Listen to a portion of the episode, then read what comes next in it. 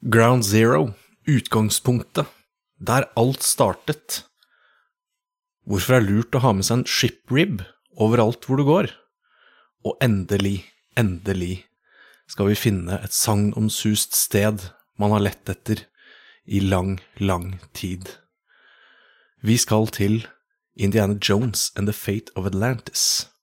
Du hører på CD Spill.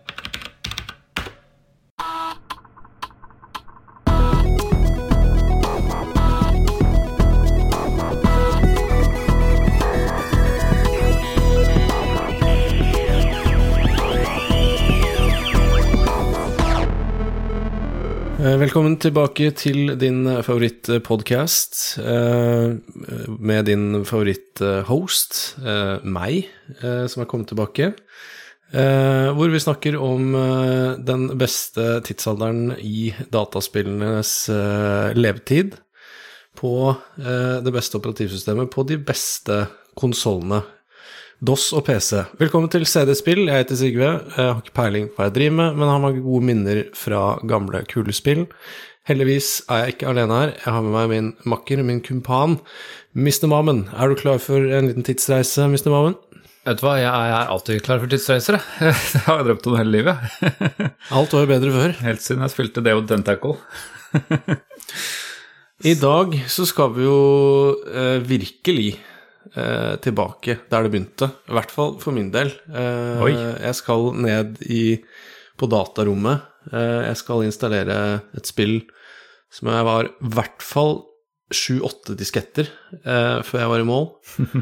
Og eh, jeg fikk det av og måtte spørre om alt jeg skulle gjøre, av min eh, gode venn eh, Eirik.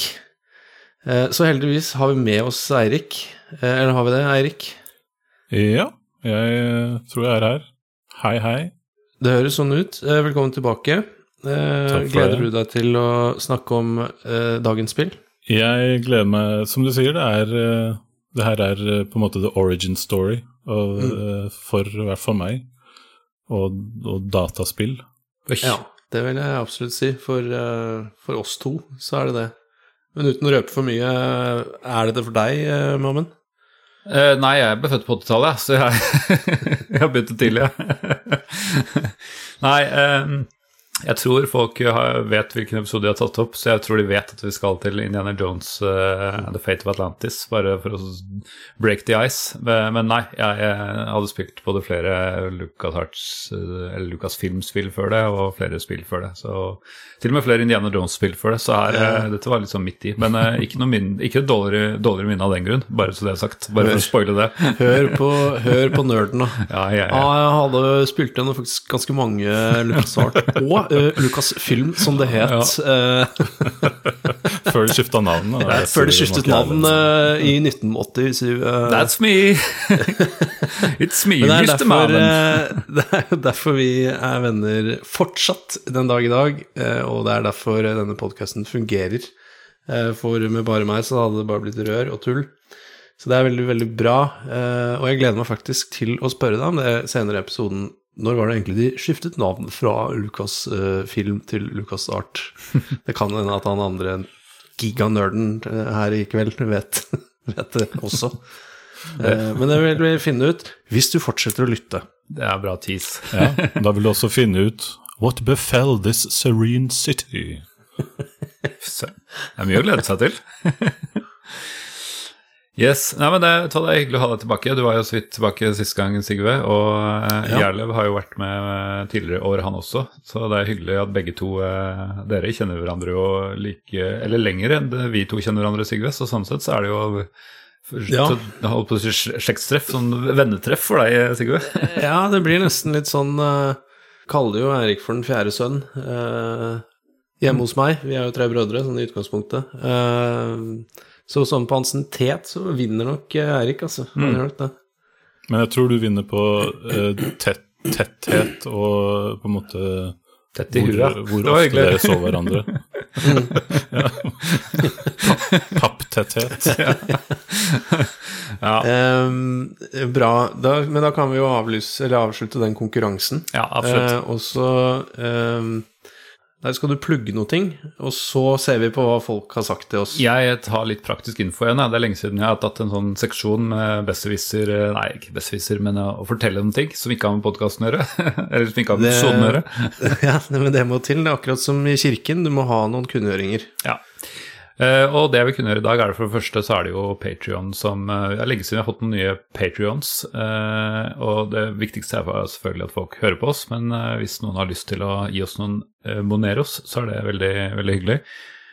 og helt konkret så har det at jeg har fått inn litt penger der, gjort at jeg nå har byttet ut mitt gratis lydredigeringsprogram Audacity med noe som koster penger, som har gjort at bare alt går mye, mye bedre, mye lettere. Det er bare sånn det åpna en helt ny verden eh, bare kunne skjønne hva jeg driver med, og hvordan man redigerer ting effektivt. Og, ja, det er sånn, jeg, jeg får vondt av meg selv at jeg har sløst bort tre, tre, tre år på sånne tulleting. ja, ja. Started from the bottom, now we're here. Ja, nettopp. Så da, forhåpentligvis har det blitt bedre lyd de siste Jeg begynte for en ja, jeg har bare kanskje ca. to måneder jeg har holdt på nå, sånn tre-fire episoder. Forhåpentligvis har det blitt resultert i litt bedre lyd, og det kan jeg takke dere patrions for. Og håper eh, Ja, det er på en måte den måten vi betaler tilbake, da. Eh, siden vi har ikke så mye Vi har ikke noen hemmelig podkast som, eh, som, vi kan tilby, eller noe sånt. Så dere gjør det bare for å være hyggelig, og, men noe, noe, noe, kommer tilbake til fellesskapet. Ja, det setter vi ekstremt stor pris på. Mm. Det er veldig, veldig Har ikke du en uh, Onlyfans som du kan dele, Mamen, hvis uh, folk betaler nok? Jo, altså hvis det er interesse for det, så kan vi jo se hvem av oss som skal uh, Jeg tror Interesse har vært her herved utvist. Ja. Men ok, så du har, da har vi én, mulighet. det er én. Yes. Ja, det er hyggelig. Det er spesielt. Da, apropos det, så skal vi også titte tilbake på forrige episode. Vi um snakka om uh, indiespillet Starcraft uh, forrige gang. Mm. Uh, og det har vekket uh, litt engasjement. og da har jeg lyst til å klinke til med å begynne med mitt favorittsosiale medie. Det er spillhistorie.no sitt kommentarfelt. vi plugger vel han hver episode, men det gjør jeg med et smil om munnen. Uh, Joakim Froholt, en ildsjel som skriver om gamle spill. Eh, og skriver om oss, som snakker om gamle spill. Eh, I kommentarfeltet under hans lille artikkel om vår episode om Starcraft, eh, så skal vi se her Tristan Ersdal, som er et navn jeg kjenner igjen. Jeg har hørt det før. Jeg husker ikke fra hvor. Nei, Han har bare kommentert mye. Vi har ikke hatt gjest eller noe sånt, men han er en ivrig traver på alle ivrig. sosiale medier, tror jeg. Ikke sant? Ehm, for her er det litt nostalgi. Han sier da i kommentarfeltet her Husker jeg så bilde av det, altså Starcraft, i et amerikansk datablad. Ja, han var en av de rike på barneskolen, han, som hadde amerikanske datablader. Det berømte bildet som ble nevnt i podkasten, uh, Warcraft 2 med Zerg-skin. Uh, var en skikkelig fan av Blizzard på den tiden, uh, så Uh, når han så altså, disse bildene av Starcraft, så var han solgt med en gang. Favorittcampaign Terran. Klarte aldri de siste brettene uten å bruke juksekoder. Det var vel flere som sleit med det, tror jeg. Um, og han spilte det på en uh, 486 DX 33 MHz med 8 MB ram. Ja, han var den rike i klassen, han her. Uh, storkar. Um, og uh, ja En generell hyllest til Starcrafts. Stikk inn på uh, siden til Froholt, spillhistorie.no uh, og sjekk ut artikkelen, og kommenter på Tristan Erstad sin kommentar. Vi fosser videre til det motsatte av mitt favoritt-sosiale medie, Facebook. Der har det også vært litt bevegelse eh, under vår lille post, eh, hvor en som kaller seg for Eirik Gjerløv Hei sann! Imposter. han kommenterer eh, 'nydelig!' utropstegn. Eh, altså er, det bare sånn 'god morgen', liksom? Eller er det Nei, Nydelig episode, spillet? tror jeg, tror jeg det var. Eller, eh, ok, ja, ja, det var en fin, fin hyggelig, episode. Hyggelig. Men eh, Men, som hvis man har hørt episoden, så ble jo dette calla.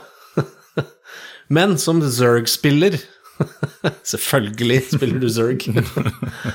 Må jeg si at her skulle også The Swarm hatt en talsmann. Mye fordommer her. Åpenbart er Protoss de onde. Eh, hvor eh, vi kommenterer tørt tilbake. Det der har du bare fra overminden. Eh, Hvor ellers? Og eh, Aksel, som var da gjest i episoden, som er en god venn av Eirik, kommenterer at du, min venn, valgte å bli Zerg-spiller. Med et veldig, veldig trist fjes. Så der er det litt uh, internhumor, kan man si. Eh, og eh, du finner jo alltid ting jeg ikke finner, uh, Mamen. Eh, jeg finner ikke flere kommentarer på Eller kanskje det er noe på den der nye Twitter Det er ikke noe på Blue Sky, men det hadde kommet en på X. X. Ja, da kan du kjøre den på X, Da- for den fant ikke jeg. Ok, ok. Jeg er en gammel mann. Ja, det er ikke så vanskelig å trykke på de greiene, men Det er okay. derfor jeg er her. Ja, ja, ja, ja. Nå vil Jeg- ikke den PC-en igjen.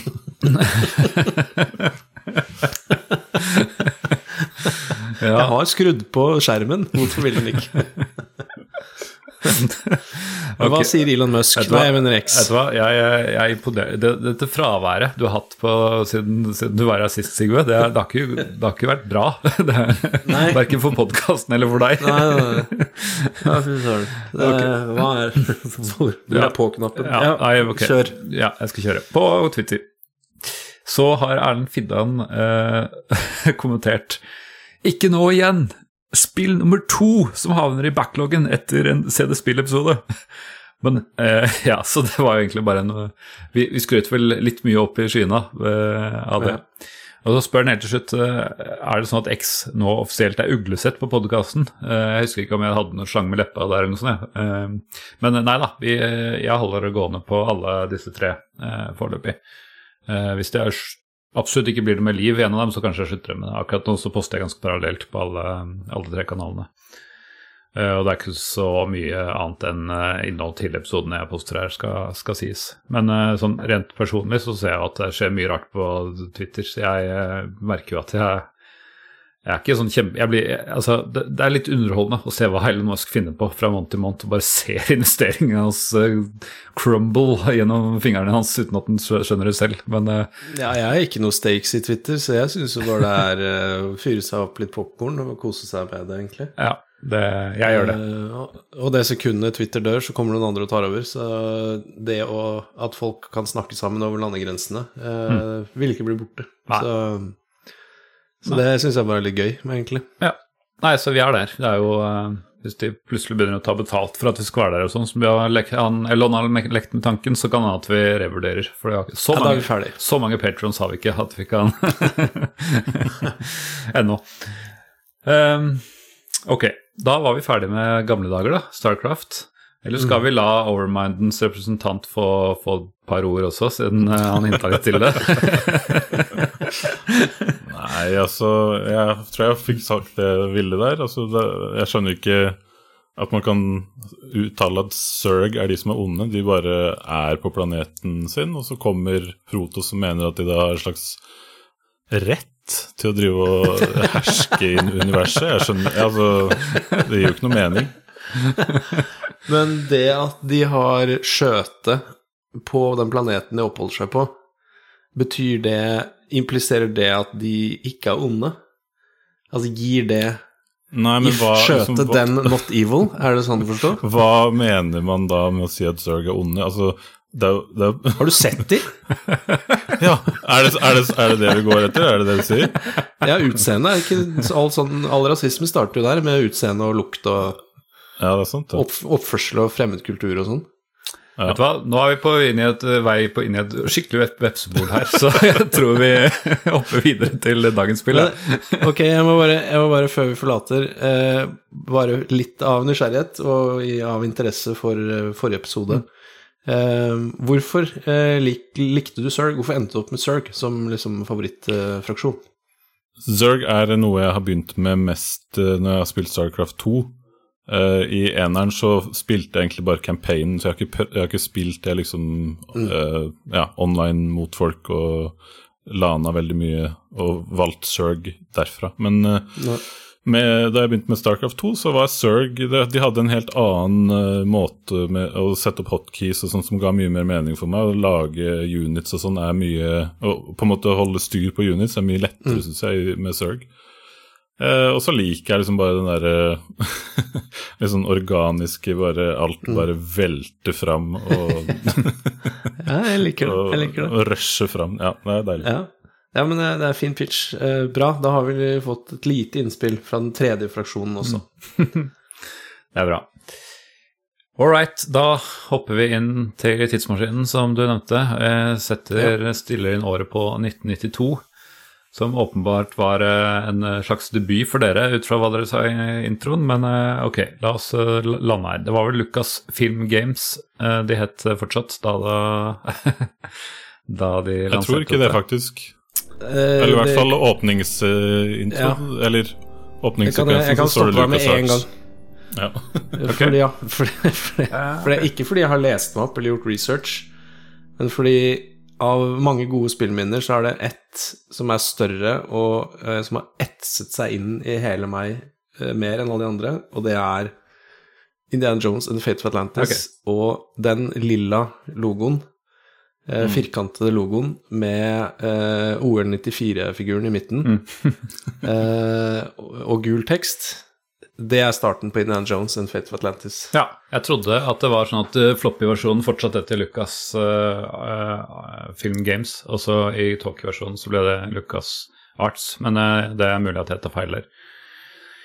Jeg vet jeg åpenbart ikke når de skifta, som du spurte om i stad, Uh, men det var rundt denne tiden. da. Jeg tror kanskje dette var første spillet med Lucas Arts-navnet. Ja, for et annet minne jeg har, var at når jeg på et senere tidspunkt ble introdusert for eh, Indiana Jones and The Last Crusade, mm. som er jo da et tidligere spill, uh, så stussa jeg veldig over hva var dette Lucas Film var for noe. Mm. Det ligna jo, ja. men det var ikke det samme. Så, ja, samme eh, opplevelse med Monkey Island 1. Eh, ja, ja. Det også hadde en merkelig intro i forhold til Indiana Jones. det stemte ikke med Indiana Jones, Fate of Atlantis og David Tentacle. Hvem var, hvem var disse Lucas-film? Ok, Vi aner tydeligvis ikke når dette skjedde, men ifølge Wikipedia så endra de navnet allerede i 1990 til Lucas Arts. Eh, men ja det, akkurat når logoen kom og hvilket førstespill det har jeg ikke gjort research på, dessverre. Så hvis noen vet det, så får du bare hive skyt ut. Men ja, ok. Lucas eh, Arts, da. Det var noe samme selskap uansett, som ga ut dette i 1992 og utvikla det. Som dere var inne på, så Ja, det, altså, dette er jo et pek og klikk-eventyrspill. Akkurat som uh, i hvert fall for meg er det det jeg forbinder med Lucas Arts-spill. De aller fleste Lucas Arts-spillene, selv om det et, ja. vet det finnes noe annet som jeg hadde vært borti. Um, og det følger jo ganske liksom, litt det samme mønsteret som vi så til, altså tidligere spill, Monkey Island 1, 2, Zack McCracken, Maniac Mansion, som vi har vært innom. Uh, og det er også en slags uh, Ja, det er en slags sånn skille. Jeg, måte, jeg, føler at dette er den siste av old school LucasArts-spillet. Uh, fordi neste spill var det jo Tentacle, bare for å plassere det, og Sam Max også kom mm. året etter. Og de kjørte ny stil eh, og var Jeg vil jo mm. måte si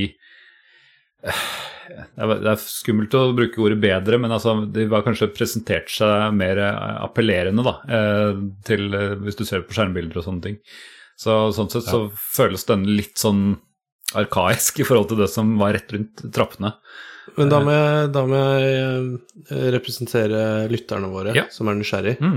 For jeg har jo spilt alle disse nevnte spillene, mm. og jeg har jo spilt de ganske mye også. Og dette er ikke kritikk. Jeg er nysgjerrig. Hva var bedre eh, etter Fate of Atlantis? Hva, hva var bedre i eh, Sam Max, f.eks.? Eh, altså, det gikk jo en helt annen stil. da. Det gikk jo mye mer sånn uh, Looney Tunes, eller i hvert fall sånn tegneseriestil. Uh, og mm. Man kan jo alltid argumentere for hvor realistisk Indiana Jones er, men altså, presentasjonen mm. av det er nå i hvert fall ganske realistisk. Da. Altså, det er jo mm. ekte mennesker, liksom, og det, jo, ja. det, er jo basert på film og, og sånne ting. Uh, så jeg vil si at kanskje som et spill så appellerte i hvert fall grafikken i Sam Max eh, og kanskje også litt av humoren litt mer til meg, da. Mm. Men uh, nå skal jeg ikke snakke ned Indian Rosenfeldt og Atlantis. Bare sånn, ja, jeg bare ser at de gjorde en switch. Godt poeng, for den ser jeg at dette var jo egentlig Det kunne vært uh, et sånn FMV-spill hvis de hadde hatt mm. teknologien til det. For det var jo det de ønska. Helt takk og lov for det. Eh, for det var snikende med de, egentlig. Eh, ja. Eh, nei, men eh, den ser jeg. Mm. Det er jo et eh, ekte, uh, i anførselstegn, eh, miljø i, uh, på grunn av grafiske begrensninger, et tegnefilmfremvisning. og der så er jeg enig, der passer jo definitivt uh, David Tentacle, Sam Max, uh, Full Throttle eh, Det kler jo selvfølgelig eh, bedre den pixel-tegnestilen som, som var det man hadde på den eh, tiden. Eh, men var det alt som gjorde det til hva skal jeg si eh, bedre eller mer riktig etter Fate Valentis? Nei, altså, vi, det, altså Det er veldig vanskelig å si. Ja, Lucas har lært jo under, underveis. Jeg vil jo si at hvert eneste spill har lært noe fra det forrige og for, på mange måter forbedra ting. sånn at uh, det er jo ikke rettferdig å sammenligne dette med noe som kom uh, fem år senere, eller fem år tidligere, for den saks skyld. Uh, så det var jo en grad, gradvis uh, overgang. Men jeg følte at overgangen var veldig brå da, mellom uh, denne og, og nest, altså 1992 og 1993. da. Mm. Ja, jeg skjønner godt hva jeg, David Tentacle for eksempel var jo en helt annen opplevelse. Det var på en måte, det, jeg føler at det var neste generasjon. Ja. Mm. Det var også neste sånn skum, sk- skumspill. Jeg leste på Wiki at dette var det sjuende Scum-spillet. Eh, så det var den siste som brukte da engine versjon 4, tror jeg. Og så var det Ja. Det er ikke så nøye med detaljene.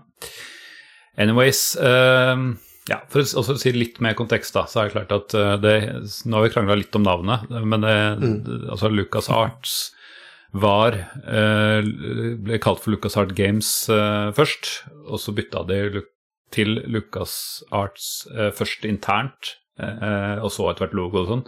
Så det er kanskje derfor det er litt vanskelig å pinpointe akkurat hvor det er, for det var en sånn liten overgang. Eh, blant annet eh, Loom, som eh, vi har snakka om før, så står det logoen til Lucas Film Games, men på credits så står det et eller annet med Lucas Arts, husker jeg at jeg har sett. Så det var tydeligvis en litt sånn glidende overgang, som sagt. Eh, Men i hvert fall så var det åpenbart at de skulle harneste det som eh, det andre som fins i Lucas Art Nei, Lucasfilm eh, Imperiet. Og Star Wars og Indiana Jones er vel det som er mest, mest kjent for, eh, i hvert fall på den tiden. Eh, Og det var jo litt sånne spill de var på jakt etter, men det var jo eh, med for, forløperen som heter Indiana Jones and The Last Crusade, som vi definitivt må ja, Vi kan ikke summere opp det her, for vi må ta en egen episode Ja, senere. det blir egen, egen episode. Men det, det var en slags ja, Det var også et pek og klikk-spill som åpenbart var vellykka nok til at det kom en oppfølger. Og den var jo selvfølgelig basert på filmen med samme navn, mens Indiana Jones and Fate of Atlantis blir jo da ofte kalt bare Indie 4, siden det var oppfølgeren til Indie 3. Mm. Uh, jo, er jo helt fritt. Mm. Så ja, der fikk du bruke full kreativitet eh, uten å måtte spille rundt noe. Men jeg kan spørre dere, var dere hvordan, hva var deres forhold til Indiana Jones før dette? Var det, kjente dere til filmserien filmserien, f.eks.? Ingen. Nei, ok.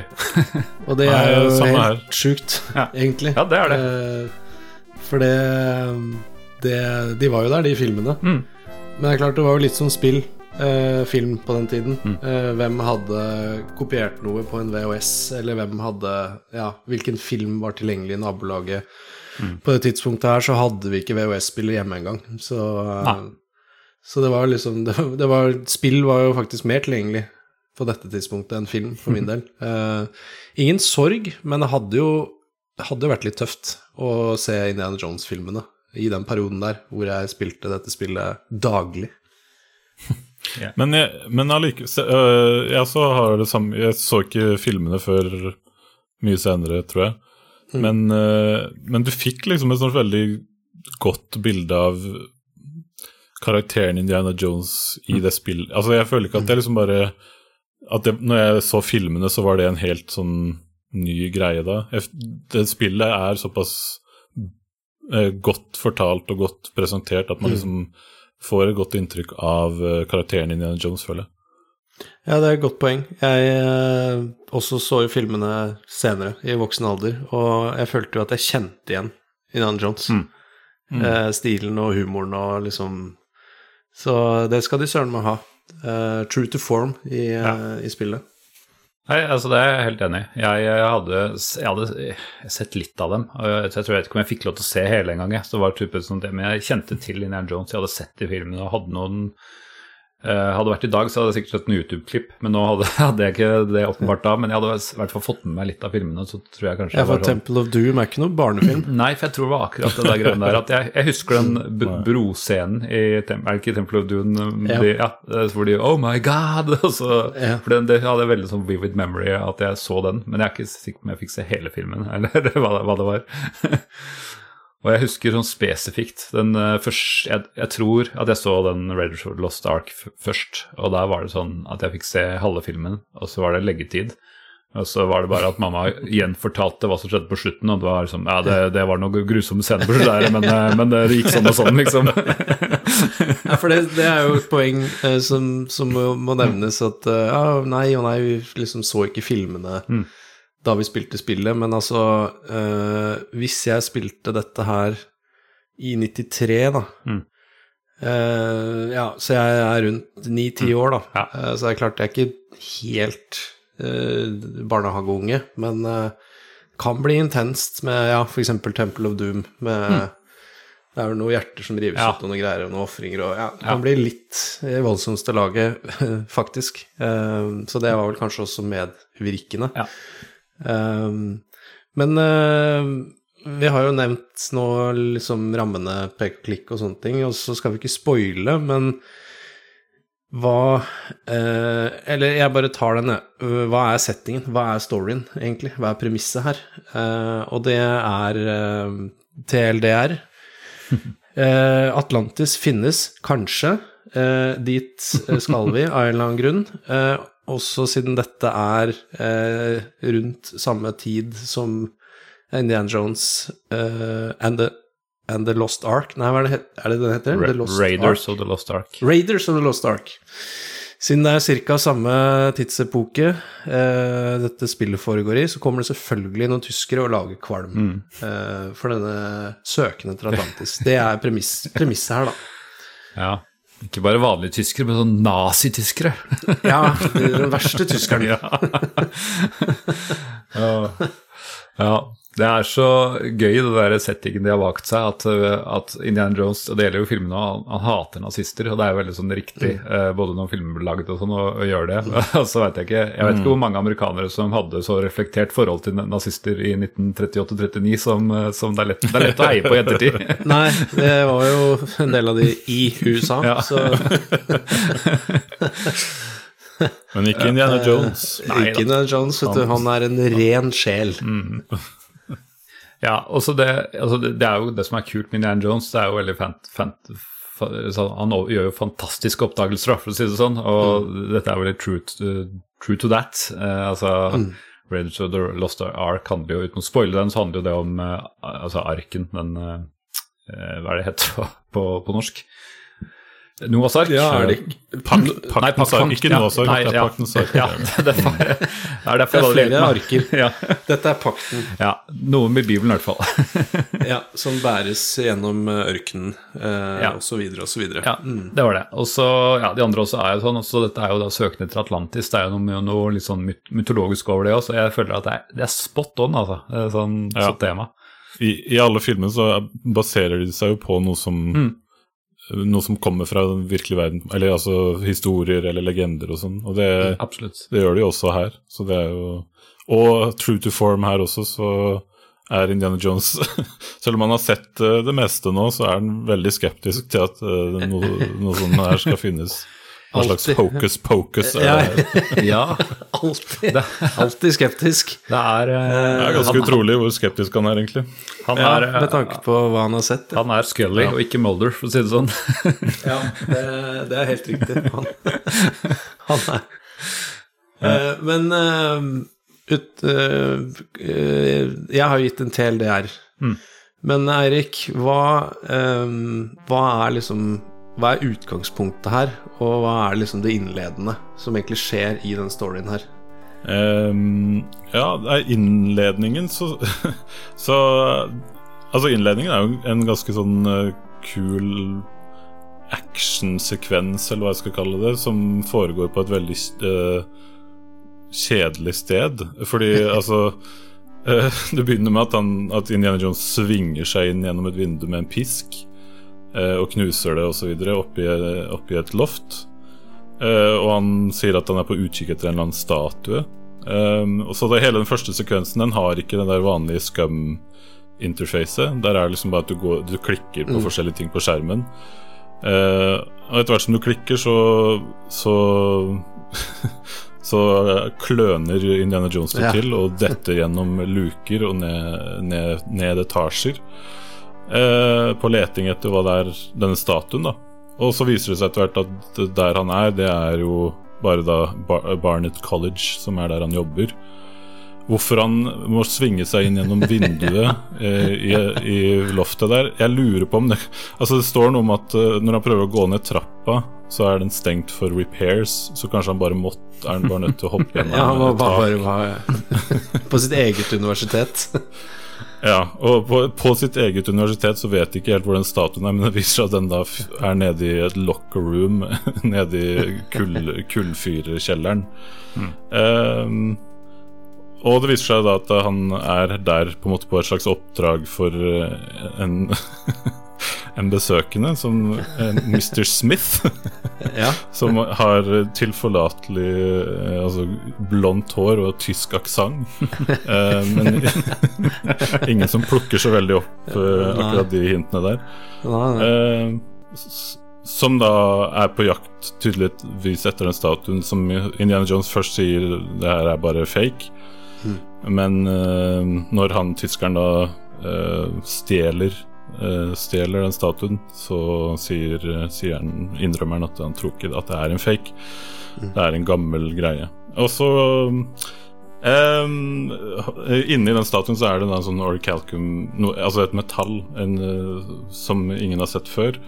Um, og det viser seg at uh, å, han plukker opp noen uh, clues før han klarer å stjele jakka til uh, han tyskeren, som da heter Klaus Kana. Han er, Ah, det var ikke Mr. Smith. Det var ikke Mr. Smith. Det var ikke han Mr. er en agent. Agent of the Third Reich. Ja, ja. Eh, um, og han er jo også en curler, så han er curler Kerner. Uh, og han Han har en, en eller annen grunn eh, med seg et blad hvor det er bilde av Indiana Jones og uh, en annen dame da, som heter Sophia Hapgood, um, som uh, eh, Som gjør at Indiana Jones drar for å besøke henne, passer på at hun ikke skal komme i noe trøbbel. Ehm, og da viser det seg, når han uh, klarer å uh, Klarer å få møtt henne, at eh, der har nazistene vært og ransaket kontoret hennes. Eh, f- og at hun tror at de Fordi Sophia Hapgood er jo da hun, har, hun var en tidlig ark arkeolog, men hun har skifta eh, beite og blitt eh, et medium. eh, Naturlig en, overgang. en naturlig overgang. For, for en eh, For en eh, Jeg vet ikke om man skal kalle en gud eller en konge fra Atlantis, eh, altså denne tapte byen, Ja. eh, som, som, som det jo er en del eh, legender i vår virkelige verden om. Eh, Mm. Mm. Og det, Atlantis ble jo skrevet om av Platon i, i to, to av hans dialoger. Um, Men hvorfor hvor, Fordi ja, Indiana Jones er jo skeptisk og generelt veldig lite interessert i noe som helst. ja. Eh, og, men hvorfor er det egentlig de lander at de, de skal til Atlantis? Eller havner de der Jo. fordi de bare følger etter uh, breadcrumbsene fra tyskerne? De prøver jo i utgangspunktet å stoppe tyskerne, fordi det viser seg at uh, grunnen til at de er ute etter Atlantis in the first place, eller tror de i hvert fall, er at de har Ja. klart å splitte the atom og Ja. lage atombomber. Nettopp. Eh, og Atla Atlantis uh, Det ryktes at Atlantis hadde masse Masse av et sånt materiale som visstnok skal kunne brukes da til Til nettopp uh, å lage bomber. Nettopp. Eh, så det er vel det som er motivasjonen i første omgang, å prøve å, å beat them Ja. to it. You saw that? Think of trucks powered by these beads. Think of tanks. Think of airplanes. Use your imagination, Colonel. Think big like the American. Think of bombs.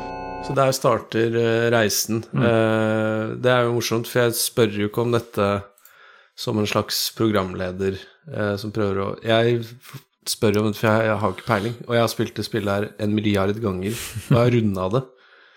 Men jeg har aldri liksom fått med meg sånn er bare så, Har du ikke fått med lorden? nå- Nei. Believe it or not.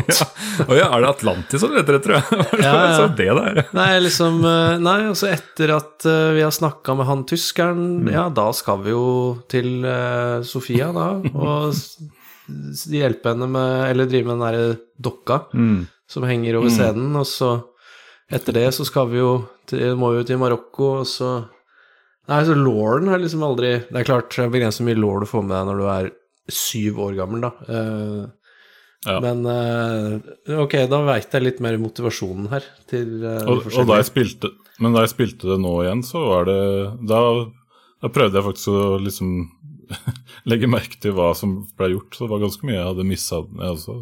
Ja. Ja. Altså, før, eh, før i dag, eh, når jeg tror jeg sist dere var borti Eller før liksom forberedelsen av episoden, når- jeg sist dere tror dere prøvde Fed of Atlantis, eller var borti det, eller så på det, eller et eller annet? Nei, Så jeg eh, spiller jo ikke pek og klikk lenger, Nei. fordi av en eller annen sånn opp-ned-verden-greie så har jeg ikke tålmodighet til det nå, men det hadde jeg da. Men eh, det er ikke så lenge siden jeg hadde en eh, litt eh, tøff søndag formiddag etter å ha tatt opp litt mye lån på meg selv eh, kvelden før. Eh, da bare flippa jeg opp Mac-en i senga, og så lå jeg i jeg tror det var tre og en halv time Nice. og så en full playthrough på YouTube av Indiana Jones and the Fate of Atlantis. Um, så jeg liker dette spillet veldig godt fortsatt. Jeg gjør det, altså. Ja, men det er Erik. Jeg spilte det vel for eh, ja, for en ti års tid eh, siden. Ja. Jeg, spilte jeg det gjennom en gang. Men før det så hadde det ikke vært siden ja, 11-12, kanskje. Ja. ja, for jeg også hadde kjøpt det på Steam for 10-12 år siden. Jeg lurer på om det var fordi Radcruise lagde en episode om det, og jeg- eller et eller annet og jeg bare ja, dette fikk lyst til å prøve, men da ble jeg lei ganske fort. Men nå har jeg spilt, spilt gjennom hele. Ehm, ja. Jeg vet ikke, vi, vi, ja, vi skal gå gjennom hele historien om hva som skjer, men jeg vet ikke om det går an å prate om noe sånn ikke-spoilete først, for å, for å liksom prøve å få folk litt fenga, da, og eventuelt oppleve det selv, eller hvis, hvis man vil det. Uh, Det er jo selvfølgelig litt vanskelig å gå i sånn veldig detaljer, men eh, er det noe minner dere når dere spilte først, f.eks., er jo en typisk ting man kan ta, eller eh, noen følelser rundt det? med, jeg kan jo begynne med begynnelsen, for min del. Eh, og det var eh, Jeg husker ikke anledningen, men Eirik var i hvert fall i huset mitt. eh, og hadde med noen disketter, eh, ganske mange. eh, I hvert fall sju-åtte disketter. Eh, og da, Jeg husker også hvor PC-en sto, for da sto den i et annet datarom. Eh, så jeg husker veldig godt hvor PC-en sto. Eh, jeg husker ikke pitchen, men eh, det var vel nok pitch at du bare hadde med et spill på åtte disketter. Eh, prøv det her. Jeg tror det holdt, eh, holdt lenge på den tida. Mm. Ja, jeg tror det, altså. Eh, og mm, ja, satt og bytta disketter og bytta disketter og så på install. Og fikk spillet opp å gå. Eh, og dette var eh, ikke Talkie-versjonen, eh, åpenbart, siden det er disketter. Men likevel så ble dette Jeg har lyst til å si det er det spillet jeg har spilt mest noen gang, sånn gjennom flere år. Eh, ja, og alt av musikk, alt av scener, set uh, hendelser, alt liksom Den dag i dag da, er sånn helt levende i, i hodet mitt. da. Ref at jeg fyllesyk søndag tar og bare ser en full playthrough på tre og en halv time. Why not, liksom? Av et spill fra 1992. Um, så det, der begynte det for meg, med diskettene. Ja. Mm. Jeg har et spørsmål til deg da, Sigve. Husk, for jeg er ganske sikker på at da den første versjonen, uh, musikken der, at det var eh, internal PC speaker-musikk. Ja, det har jeg Eh, Jeg hadde liksom drevet og tenkt litt på det nå, når jeg har sett det opp Mm. igjen og, og sånn, og musikken, eh, la oss kalle det mediemusikken, eh, treffer meg og vekker nostalgi. Eh, fordi det høres jo ut som det skulle vært PC-speaker med ja, de diskettene. Ja, og, og jeg kan si at vi fikk CD-versjonen eh, ikke så veldig lenge etter, så jeg har hørt veldig mye på den musikk, midi, eller Soundblaster-musikken også. Men eh, jeg har et, en formening om at de, den første gangen vi liksom kjørte de, det spillet der, så var det liksom eh, Da var det når, det, når, det, altså når den starter. Og Ja. når du, særlig når du slåss med Biff the Doorman, at det var sånn Ja, ja. klikk, klikk, når du, når du slåss. Jeg har ikke greid å Altså, memory er jo veldig plastic. Eh, Ja.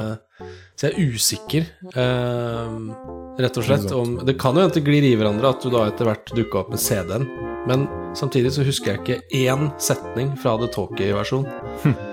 Så, okay. så jeg, jeg er usikker. Jeg fant ut at, eh, at på Scum så kan du emulere det med PC-speaker, eh, og det var en fin eh, ja, Og da ble jeg Fin litt mer sikker. Nei, men altså, ok, ja. eh, Den, den er ikke veldig vakker, bortsett fra in intromusikken er ganske kul. Ja. Men Monkey Island Det er noen andre spill, som, som f.eks. Monkey Island 1, som jeg faktisk syns er skikkelig kul i PC, Ja. altså internal speaker-musikk. Men Indiana Jones funker bedre med Soundblazer. Ja, nå hørte jeg kjapt gjennom uh, litt på YouTube fra eh, Internal Speaker. Det var helt fremmed og ukjent for meg.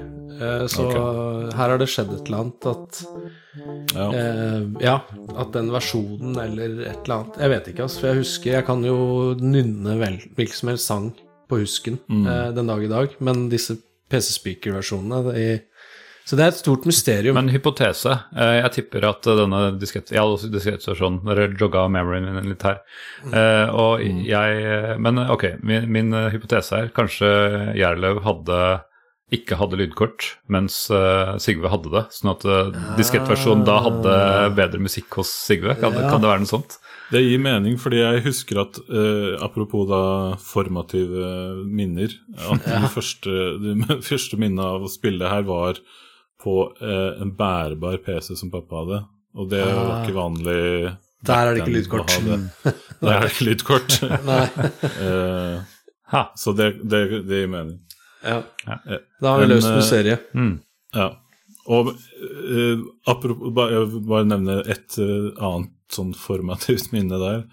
Eh, det er Jeg veit ikke om dere liksom husker noen ganger når dere er barn, at det liksom er sånn dere Dere er så gira på, på kvelden fordi dere skal stå opp og gjøre noe dagen etter som dere gleder dere så vilt til at dere ikke greier å sove. Eh, men eh, det var liksom Jeg husker første gang jeg hadde spilt litt med pappa da. eh, og han hadde liksom I begynnelsen så er det en sånn slåsskamp hvor du skal slåss med en tjukk eh, dørvakt for å få møtt hun Sophia Hapgood i New York. Eh, og jeg husker etter at han hadde, hadde spilt den, eh, liksom den seksjonen der av spillet, så bare gleda jeg meg til å, til å bare stå opp og gå og banke han. Eh, Men eh, så jeg kom meg opp sikkert sånn klokka seks og, begynte, og skulle spille, og så klarte jeg ikke å kjøre det, så jeg måtte vente på pappa. Ja, ikke sant. Mm. Du måtte locate mem. Måtte lo ja, sikkert.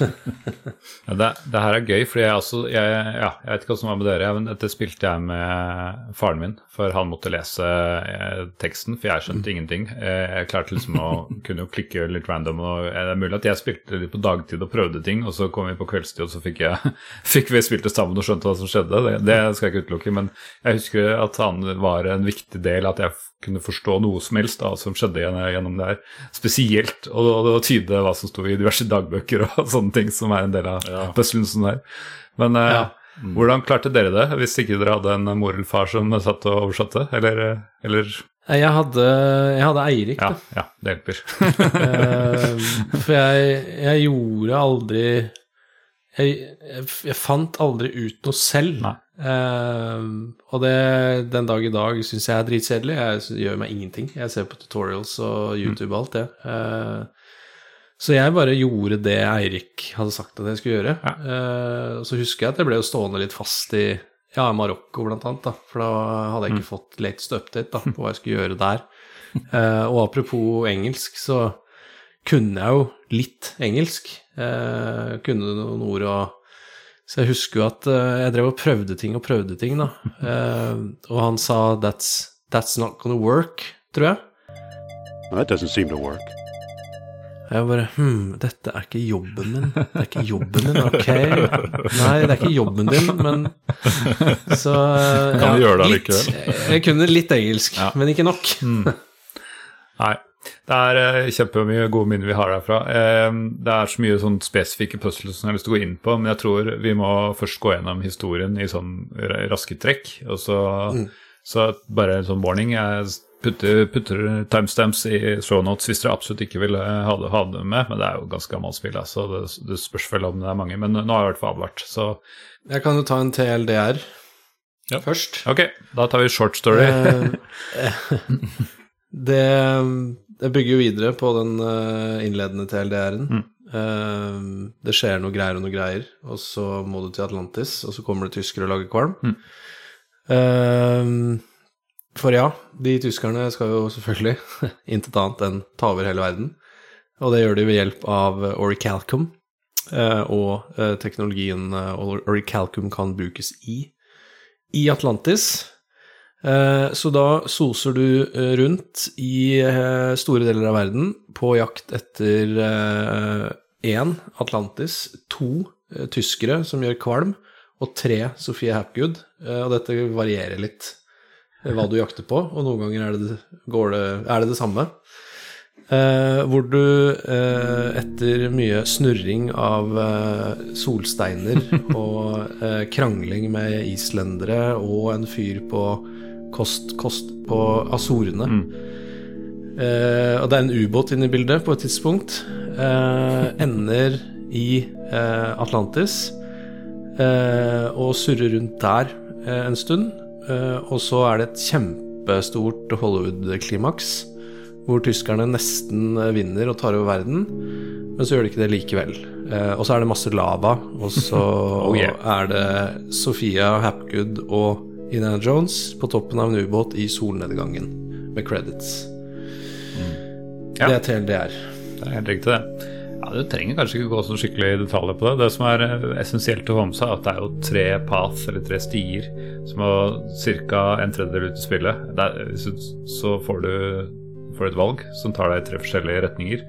Altså Siste tredjedelen igjen er i Atlantis, og der, eh, der, eh, der er det felles igjen. da.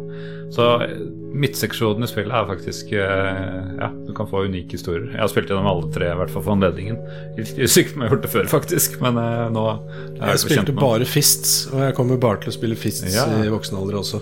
Ja, for det er gøy. Ja, Det kan vi ta med en gang vi har spilt det. For jeg, eh, jeg valgte team når jeg spilte med far, og jeg vet ikke om jeg skjønte at jeg tok et valg, for det er veldig sånn Hva skal vi gjøre nå? Skal vi ikke sant? Så, ok, så har du Jeg skjønner nå at nå tar jeg et valg, men det er ikke så Ja. åpenbart at du tar et valg når du bare har dialog Men tre. nå, nå er jo Det tror jeg heller er ikke lytter- var åpenbart for meg.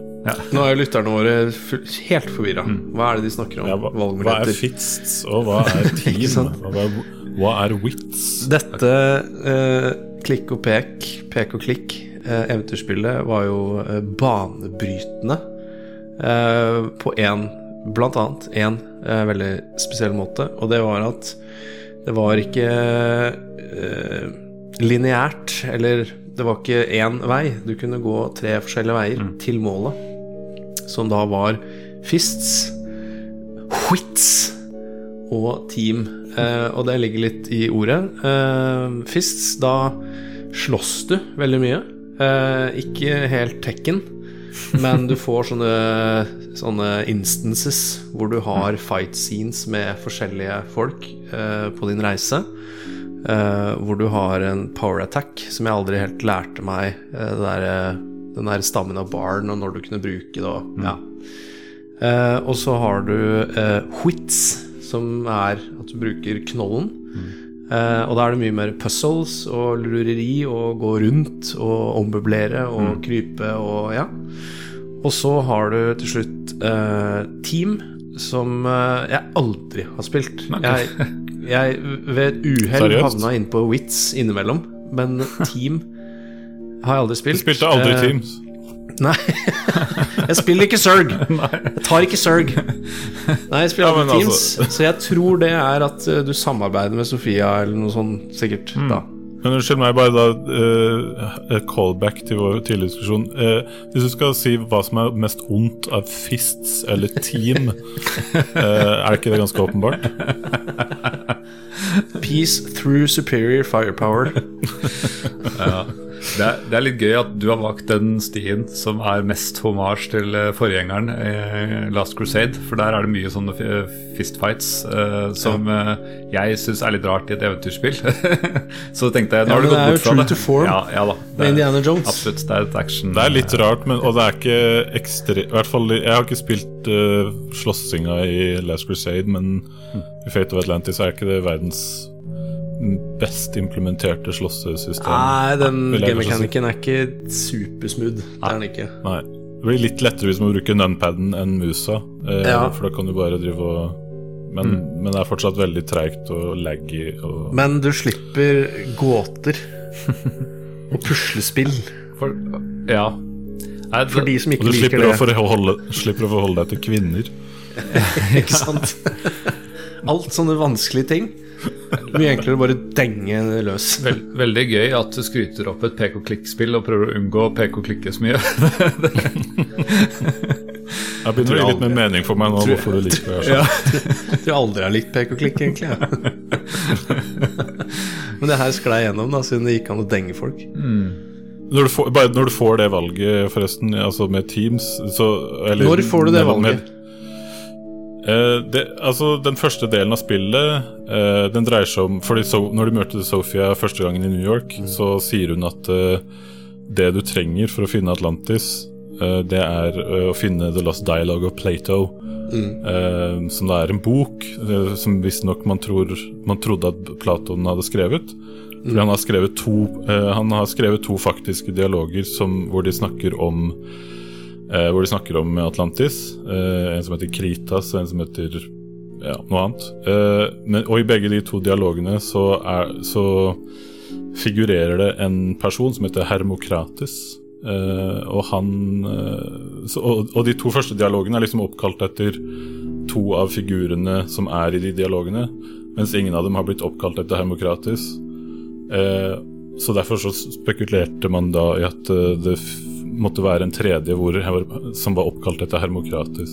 Og det så jeg husker når du er i Tikal, så på jakt etter denne dialogen så, så vil, vil jo han der Charles Sternhardt at du skal bevise at du er en scholar. Så han vil at du skal si navnet på den tredje dialogen eller den Lost. Ja, det mener det jeg å huske. Og da er det en papegøye der som sier Socrates! A friend of Socrates! Er det wits? Det er alle. Det er, eh, det er Fordi, som sagt, det, altså, det er først når du har funnet denne eh, Lost Dialogue of Plato, at uh, du blir presentert med, med valget Ah. om du vil eh, da må jeg, da må jeg spørre For det, noe, noe av det veldig første som skjer i hele spillet, er jo at du drar til New York for å finne Og bare prate med Sofia. mm, Der kan du jo velge For du, eh, du har ikke billett eller noe sånt, så du slipper ikke inn Eller showet er i gang, så du slipper ikke inn liksom, hovedinngangen til teatret, så du må gå inn bakveien. mm, Og der eh, kan du jo velge, kan du ikke det, om du vil slåss med Biff, dørvakten, eller om du vil jo flytte på masse sånne kasser og esker, som gjør at du kan klatre opp en stige. Er det Eller- egentlig bare litt tutorial? Eller, ja, ok, eller, eller tredje, Eller eller, tredje, som er å da bare snakke med Biff. Han, hvis, du, Ah. hvis, du, hvis du driver Team. og skry, eh, Nettopp. Hvis du skryter opp sant. Sofia, så lar han For han er veldig fan av henne. Ja, Og det jeg skulle si da, var at uh, avhengig av av hvilken, øh, ja, hvilken løsning du velger da, på biff-problemet. Ja. Så det er det på en måte Sofia foreslår at du bør gjøre når du skal velge. For hun foreslår liksom en av de pathene, at de passer best til deg. Ah. Eh, så det kommer an på hva du har valgt der, da. Å, Fy søren, Det her er advanced eh, game tutorial making, da. For de Mm, lager en tutorial som også gjør at du blir anbefalt hvordan du vil, bør spille spillet Ja. videre. Veldig, Det er jo ikke rart at jeg havna i slåsskamp resten av spillet. Men jeg, det- jeg syns det er veldig rart at jeg havna i Teams, for det er det eneste jeg kan huske eh, at jeg gjorde. Og, Ja. og det er jo det Sofie foreslår hvis du klarer å snakke deg forbi Biff, men det har jeg aldri klart før denne Nei. gangen jeg spilte det nå. Nei, jeg visste ikke at det gikk engang, så det er ny, ny informasjon for Nei, meg. sant? Men det er veldig gøy at du sier det der, at uh, den path-greiene. Fordi jeg også hadde havna på Teams, og jeg var ikke klar over at det var ulike stier i dette spillet engang. Uh, inntil en gang jeg skulle spille på nytt, kanskje var når jeg fikk CD-talkie-versjonen, jeg vet ikke, så havna jeg da plutselig en, eh, altså, på en av de andre pathene. Og på det tidspunktet trodde jeg seriøst at jeg havnet i en dead end. Jeg trodde at nå tok jeg feil valg.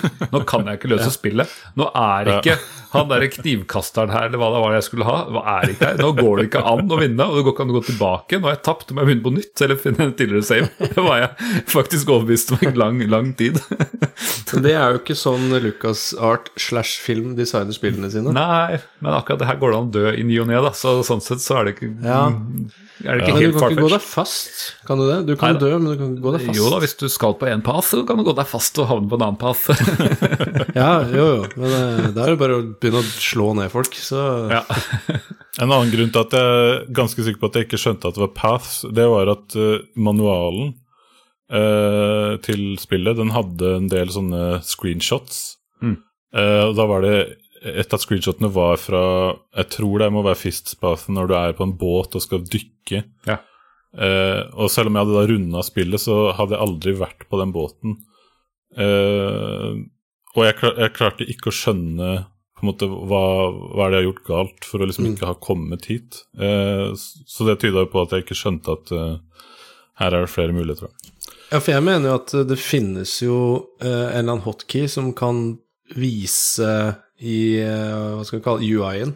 Som viser Det har et minne om at jeg har sett et eller annet sted.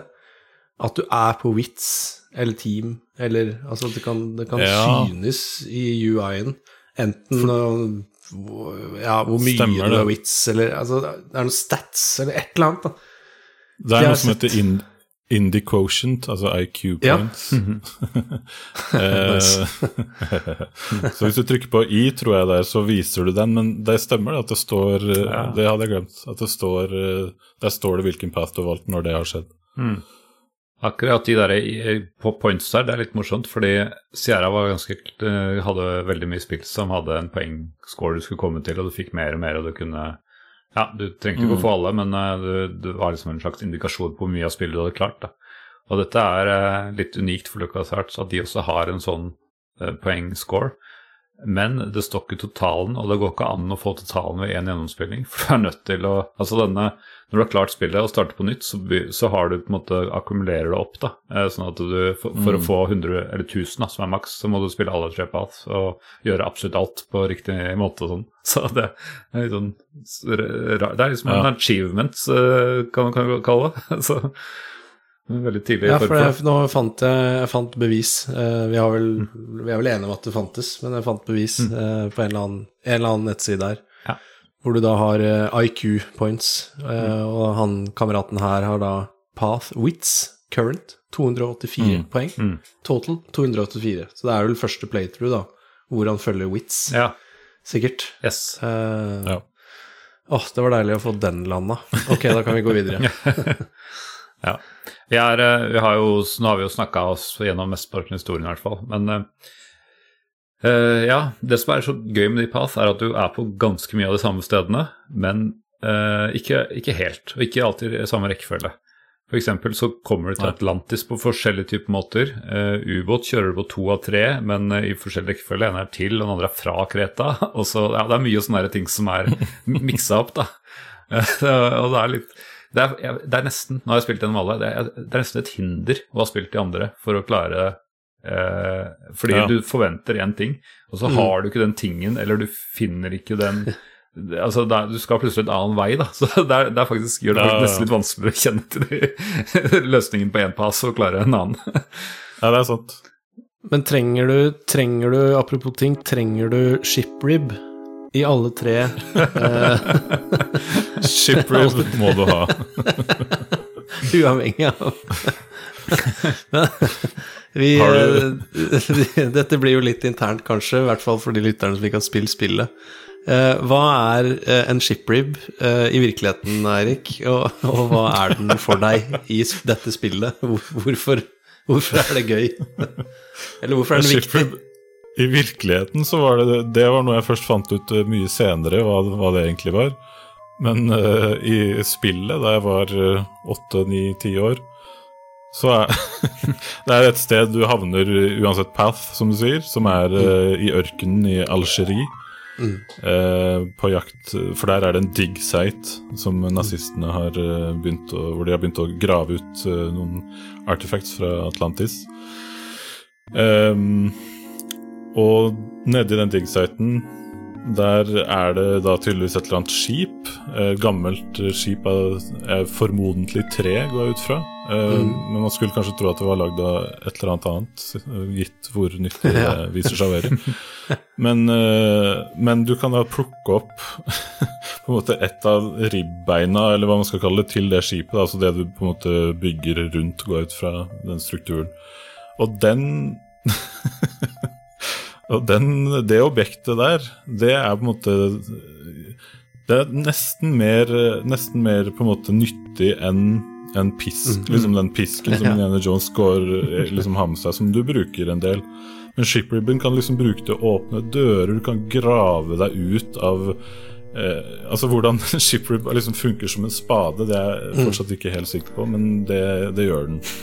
Eh, Det gjør det. Gjør. og det er, så det er jo den nyttigste tingen du finner i spillet, vil jeg si. Definitivt. Eh, den, ja, den brukes som brekkjern, den brukes som spade. Jeg er litt skuffa over at den ikke brukes som slagvåpen eh, på den pathen jeg velger. Men dette er jo en antikvitet, så man skal vel kanskje være forsiktig tross alt. Jeg vet ikke. It belongs in a museum. Ja, ikke sant? Ikke sant? Så eh, jeg er sikker på de lytterne våre som har spilt spillet, eh, de vil kjenne igjen eh, The Ship Rib. Apropos det digg-sitet. det er et sånn meget godt eksempel hvor jeg kjør, kjørte meg fast på når jeg, når jeg spilte igjen for tredje gang, som var på den fasen du er på, Sigve. Fordi Ja. på de to andre så, må du, så er det en generator der nede som du må skaffe bensin til. Eh, og det hadde jeg jo ikke på autopilot. Og så kommer jeg ned dit, og så finner jeg for det første finner jeg ikke noen måte å gjøre det på. For det andre så kommer jeg ikke ut av dig-siten, for det er noen som skyter på meg der oppe. Og jeg bare Hvordan skal jeg få bensin til Altså, jeg tenkte ikke tanken på Jeg måtte gå på nettet. Jeg tenkte ikke tanken på at det går an å bare skru på den uten bensin. Den har bensin på den pannen her. Ja, Du kan bare skru den på, ja.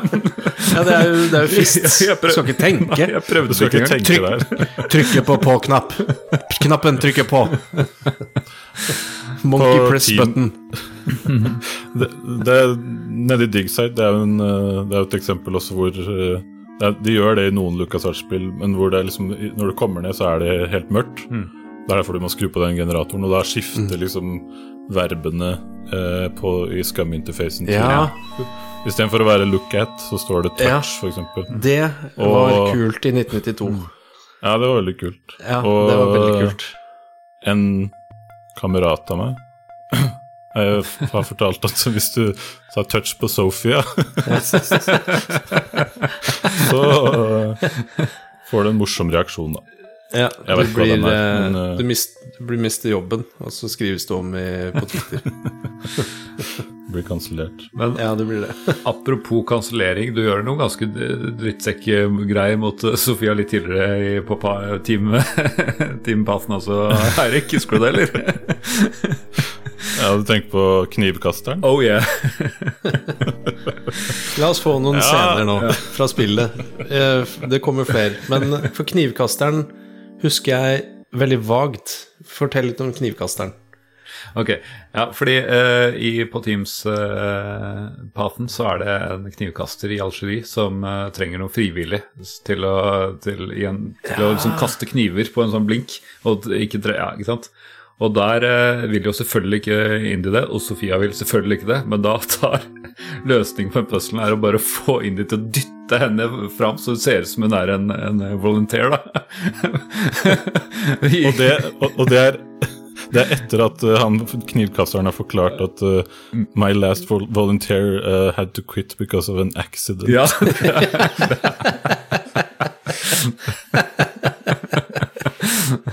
Ja, det, er, det er ganske rått. ja.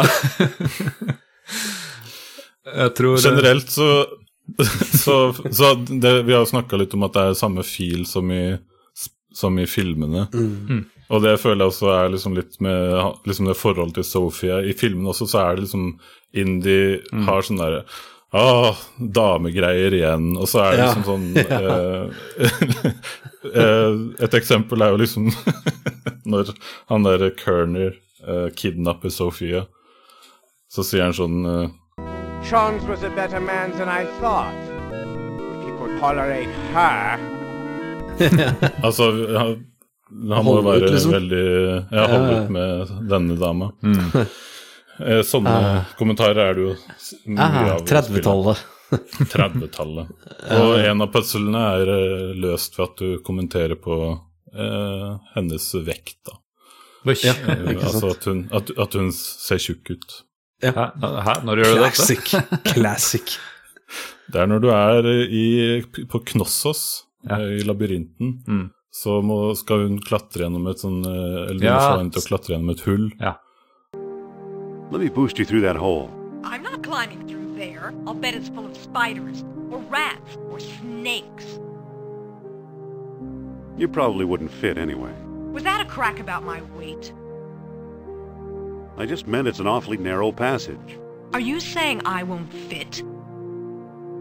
With luck, you might just squeeze through. Oh, really? Shut up and give me a boost, Jones. Yes, ma'am.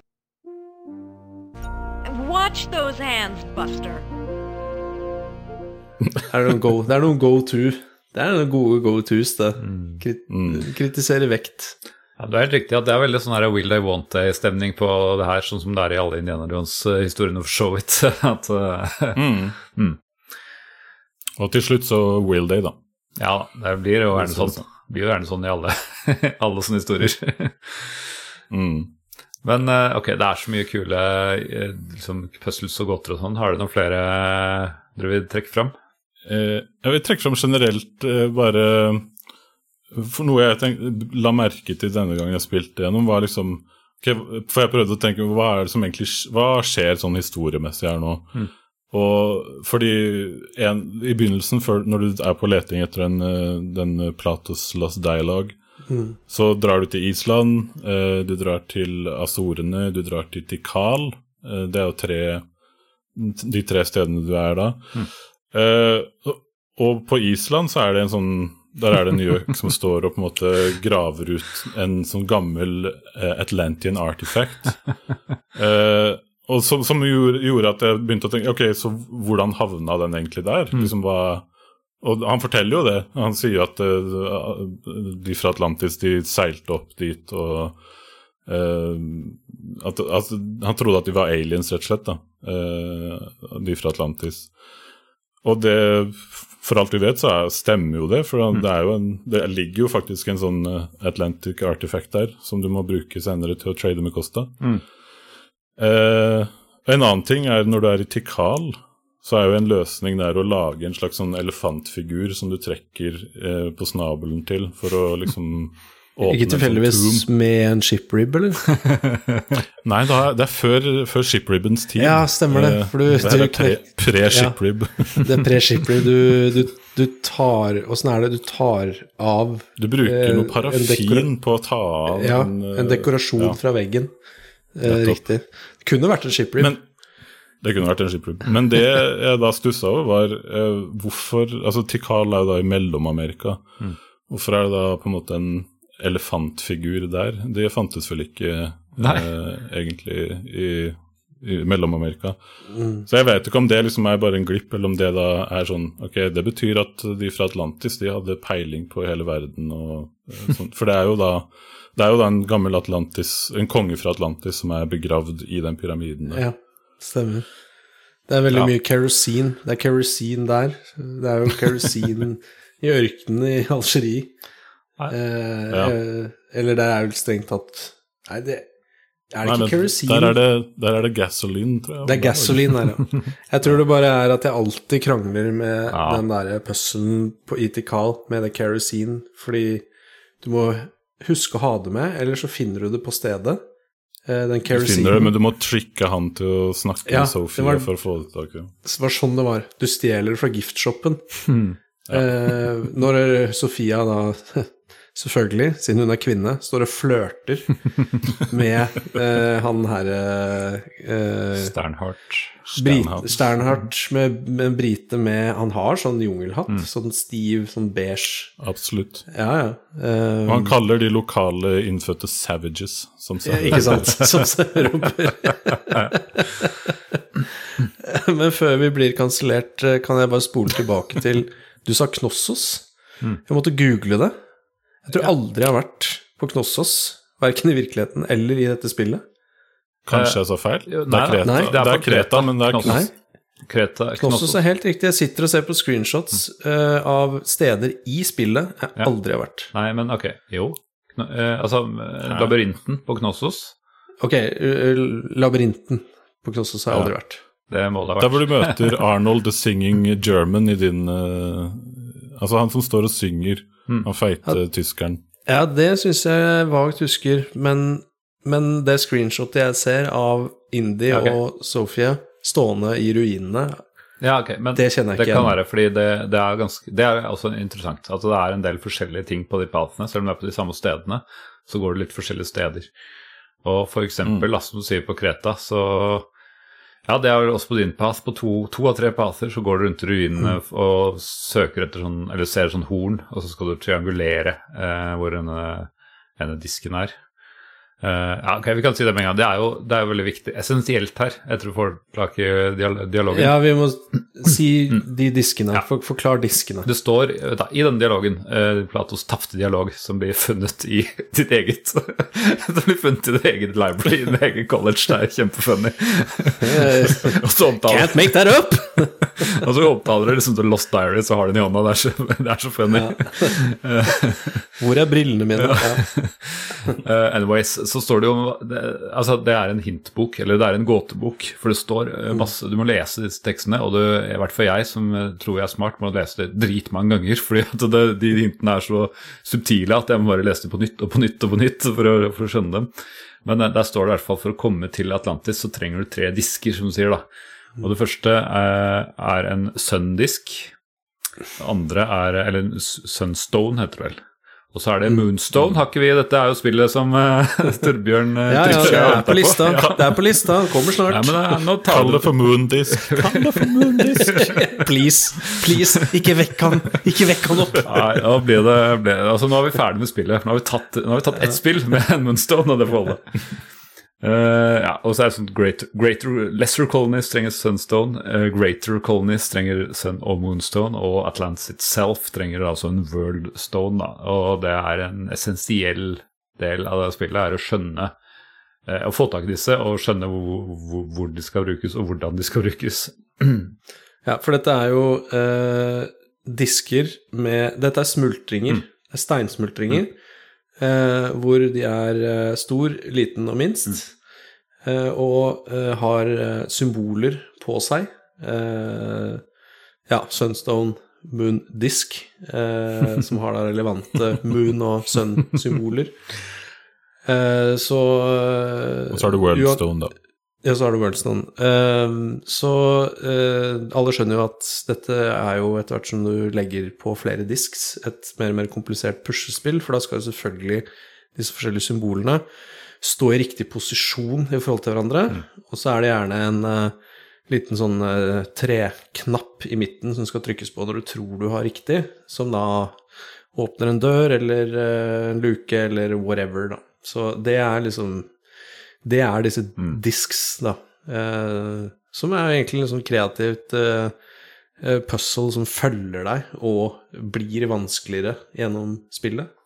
Mm. Jeg hadde ikke trodd jeg skulle skryte av et puzzle, men eh, det er i hvert fall kreativt lagd. Det Og er det det. er også randomisert. Det går ikke an å bare si at ja, den, den sola skal alltid liksom til høyre eller et eller annet sånt noe, fordi det Nei. står i denne ta- tapte dialogen, funne dialogen, at uh, ender altså sånn litt sånn kryptisk hvordan eh, sånn sollyset, sterke sollyset skal treffe, treffe hornene, og så må du liksom skjønne at ok, men da er det noon sun, uh, eller ja, og så, og så visste jo Det er jo nok en ting jeg ikke kunne, men sånn derre at dawn og sunset og sunrise og dusk og, og hva, hva betyr hva? For det, står, det er liksom ikke så lett at du bare kan kikke, så du må faktisk skjønne konteksten her, og det gjør de i gåtene.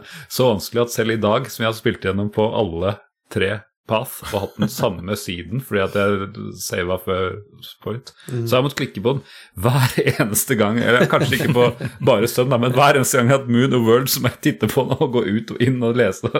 Ja, det er helt utrolig hvor ræva jeg er på, på å huske de greiene. Det eneste måten den dag i dag jeg vet hva som er dusk og hva som er dawn, det er fordi eh, da tenker jeg på eh, kultklassikeren From Dusk to Dawn. Eh, hvor ting starter at dusk, går til helvete, og så er det happy ending at dawn. Eh, så det er eneste måten jeg greier å vite at dusk er på kvelden og dawn er på Ja. morgenen. Bra regel, det. De steinene var jo også Det var jo også copy protection for spillet. Ja. Eh, Før du, når du starta det opp, så måtte du liksom slå inn en sånn kode. Og det, da hadde det liksom på hver side av manualen så var det et bilde av en eh, Ja, var det bilde av en, en av de steinene. Eh, og så sto det liksom 'slå på side det og det', og bruk Sunstone. eh, ja. Ja. Men hadde jeg manualen din? Eller Vi, hvordan det husker jeg i hvert fall at vi hadde den kopiert opp. Der har vi den. Der. Det Ja. var, den er grei. Jeg også lurer litt Vi på det. Vi hadde muligheten til å kopiere disketter. Vi hadde også kopimaskin til papirer. Ja. Ja, for jeg også hadde jo diskettversjonen, men jeg, jeg, ja, når du sier det, så husker jeg kanskje at det var noe copper protection, men det er mulig jeg hadde en crack-aversjon. I know, I know. Kanskje. de forsvant med Det er sånn som veldig mange av de copper protection, noen av dem var ganske kreative, men de forsvant med gjerne i disse talkie editions og nye utgaver Mm. hvor det ikke var nødvendig, fordi de tenker at ingen kan vel kopiere en hel CD-rom. det går jo ikke an. ingen som har Det så er stor jo plass. umulig. Ja. Det er jo tusenvis av bytes. ja. Eh, be- jeg bare fortsetter i tråden med puzzles. Jeg, du Ja. får bare av, Nei, avbryte. gjerne. Men uh, Gjerne. fordi en annen ting jeg fant ut denne playthroughen Altså, jeg fant jo ut at man kunne snakke med Biff uh, for å komme seg gjennom uh, Komme seg forbi han. Men eh, også at um, når man er på Teams Path da, Sigrid, det her, eh, det her gjelder jo ikke deg. Nei, jeg, Men, da eh, bare setter jeg på mute, jeg. Så- Ja, for da drar man til Monte Carlo. Eh, skal snakke Jeg har vært med i Monte Carlo. Tro- Jo da, alle Monsieur Trottier. Alle er i Monte Carlo, men eh, Jeg du må hater gjøre noe Monte. Carlo, jeg hater Monsieur Trottier, for jeg tror Monte Carlo er vanskelig uansett hvilken path du velger. Ja, men i, i Fistpass hva er det, er det egentlig noe man skal gjøre med Monsieur Trottier, der, bortsett fra å få tak i Nei, altså Jeg greier ikke å skille det helt fra hverandre. Jeg bare husker at jeg drev og lett, jeg drev og lette etter et bilvrak, eller noe Ja, sånt. det, Det er på Wits. Bil. ja, det er Ja, Wits. da har jeg rota meg inn et sted jeg ikke bør være. Så, ja. Men Men uansett, uansett. du er i Monte Carlo. Du er i Monte Carlo, og sånn man eh, Han eh, er i besittelse av Når du er på Teams Path, hvert fall, så er han i besittelse av solsteinen, The Sunstone. Eh, og du har lyst til å prøve å narre ham ut av den, eller vekk fra den, eller få han til å gi deg den. Og sånn man skal gjøre det, er å ha, få ham til å komme opp på hotellrommet til Sofie og ha en, ha en sånn seanse eh, med henne, hvor hun på en måte da channeler Nur Absal, den eh, atlantiske kongen. Ehm, og sånn jeg alltid har trodd at det må løses, er at uh, i løpet av mens de snakker, altså Sofia og Indi Nei, Sofia og Trottier, så, så tar Indi og går på bakrommet og tar på seg et laken eh, og en skummel maske som han har fått tak i fra Stemmer det, det Al-Jabbar. husker jeg. eh, og en lommelykt. For Al-Jabbar, eh, det er eh, Al- Al- Algerie? Ja. Ja, det er han, Ja, ok, ja. han, han handleren der. Ja, for han skal vi tilbake Eh, til. Han skal vi tilbake til, Ja. absolutt. Men uh, Trottier, eh, han, hvis du da gjør det, og så kler du deg på en måte ut som et spøkelse, og han tror det er eh, Nurab Sal som kommer der i, i fysisk form, eh, og løper unna.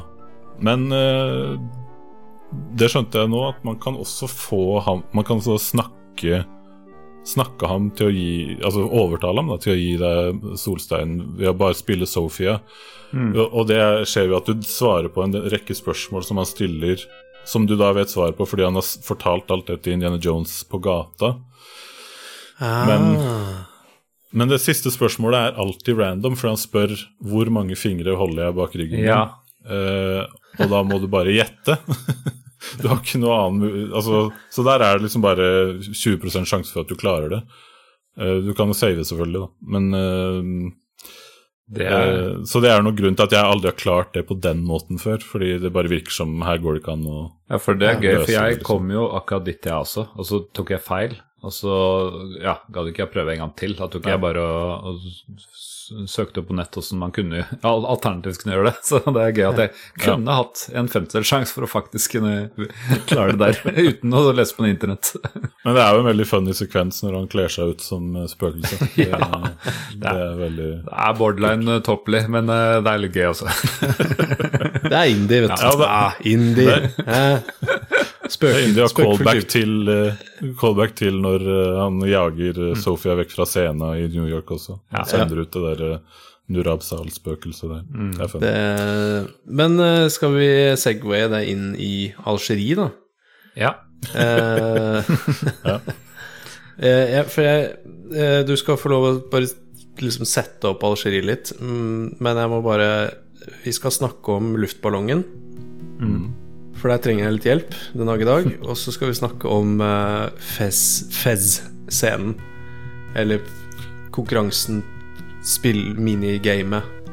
ja. Uh, men uh, anyways, vi uh, Hvorfor havner vi i Algerie sånn i utgangspunktet, egentlig? Uh, Jeg tror det som, første som skjer når du har funnet Dialogue Plato, så sier Sofia at hun, hun eh, En av tingene som nazistene stjal fra henne, det var hennes solstein, som hun da hadde kjøpt av enten Trottier eller Al-Jabar. Hun husker ikke hvem hun har kjøpt den av, så du det må så bare sjekke begge to. Det var, jeg, var, jeg var enten i Monaco eller i Afrika, jeg husker ikke. det er vanskelig, veldig vanskelig. For da eh, drar vi i hvert fall til eh, Algerie, eh, som er eh, stereotypisk eller godt gjengitt, eller straight up rasistisk gjengitt. Det er i hvert fall en sånn skikkelig sånn jord... Nei, ikke jordhytte, men uh, ja, den er veldig arabisk og veldig low-tech, den byen. Uh, Enetasjeshus uh, bygd i uh, sånn mørtel og eh, sand, sandgater. Og ja. alle har flagrende arabiske gevanter.